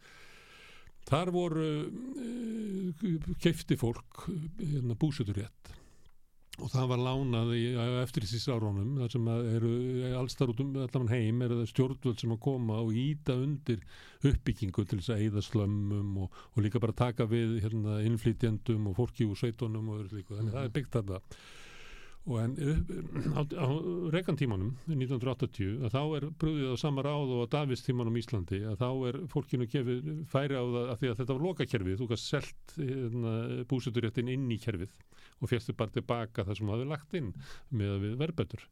En þarna fegstu tækifæri til að selja þetta út og það var samþygt þarna stykki fyrir stykki. Það var svona sér uh, bygging hérna húsfélag um hverja blokk.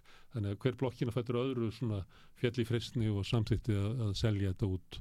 Og uh, nú eru mjög fáir sem að búa í þessum blokkum sem að voru þannig upparlega fólk að segja ekki fimm sinu meira með að selja á almennu markaði og þar með hérna hvarf þetta út úr Hínum einn á Manhattanegju er, er byggingasaminu sem heitir hérna, Penn South, það er fyrir sunnan uh, Penn Station. Þetta er svona, hvað ætlir þetta að sé, svona þrítúasta stræti, svona, uh, já, uh, kannski svona 24. upp í 29. eitthvað cirka á því svæði. Mm -hmm.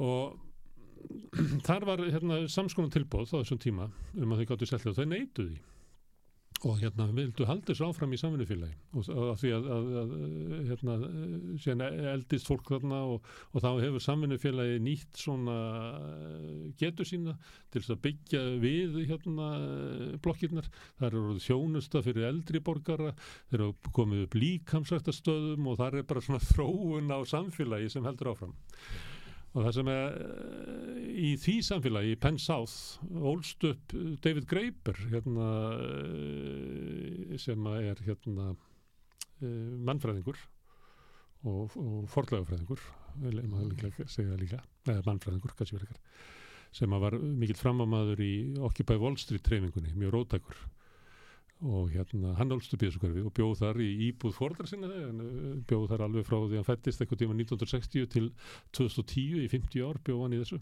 því þarna var mikil svona rótækni og mikil rótækni í New York á rætur í þessu Penn South þegar sem að fólki sem að hérna, hefur alveg stöppið þetta og hefur reynslu af því að búa við svona húsnæðisörgi og hvaða gefur mikið og þannig að það er mjög stert samfélag mm -hmm. og ég nefni hann bara sem, sem dæmi en það eru fjölda fólk sem hefur sett mikil svip á á, á New York borg og húsnaðis pólitíkina þar og baratuna sem á marganhátt er miklu róttakari heldur en hér. Þegar maður hérna, er að fylgjast með bæjarmálum í, í, í New York þá er miklu meiri svona baráta gegn okrurónum það er hérna, borgin hefur miklu meira vald til þess ef þú verður fyrir ykkur okrið eða eru verið að vísa úr húsnaði án réttinda þá kemur fulltrúi frá borginni og stendur með þér og reikum máli með þér sem er ekki hér Ég tekið það bara svona dæmi að því að við hugsaum oft um bandaríkin sem einhverja sko félagslega eðimörk. Ja, akkurat, akkurat. En sem, eh, stundum verður þannig í samabyrðu við okkur að það er hann að Penn South þeim tókst að verja raunverulega sitt verkamannabústaði eh, kerfi inn í, inn í bara uh, í gungu fjallar frá Street. Í hjarta hins borgarinnar. Frá Wall Street. Þeir fóru þarna upp í út, útsýnisturnin í, í Empire State Building að þar eru þessi brúnu Já. blokkir blasa við. Þetta Já. eru klasar og, og, og svolítið stórt svæði mér að segja en, en, en stór merkilegt greinilega. Byggt allt á sama tíma og, og byggt svona greinilega með mikla, mikla hagkvæmni í huga. Já.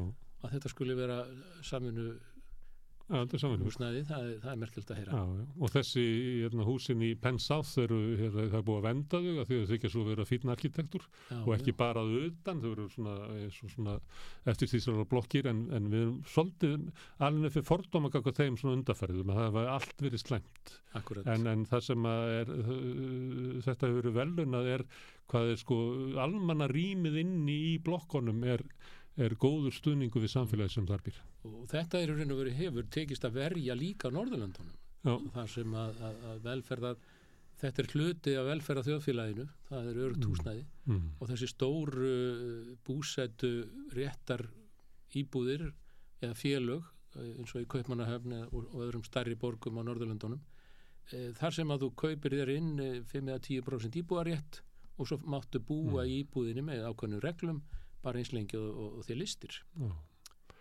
Og þegar við heyrum borgaryfvöld segja það að það sé hættulegt að byggja hérna, stóra blokk sem að fátat fólk býr mikið eða láluna fólk að þá ættum við að horfa til hérna, Pensáð þar sem hefur myndast mjög stert samfélag hérna, þeirra sem eru að lifa af, af lágum tekjum. Fóreldrar greipir voru hérna, uh, mammans vanna hjúgrun eh, samt samt ekki mentu hjúgrunkona og, og, og pappa svo bara verkamaður.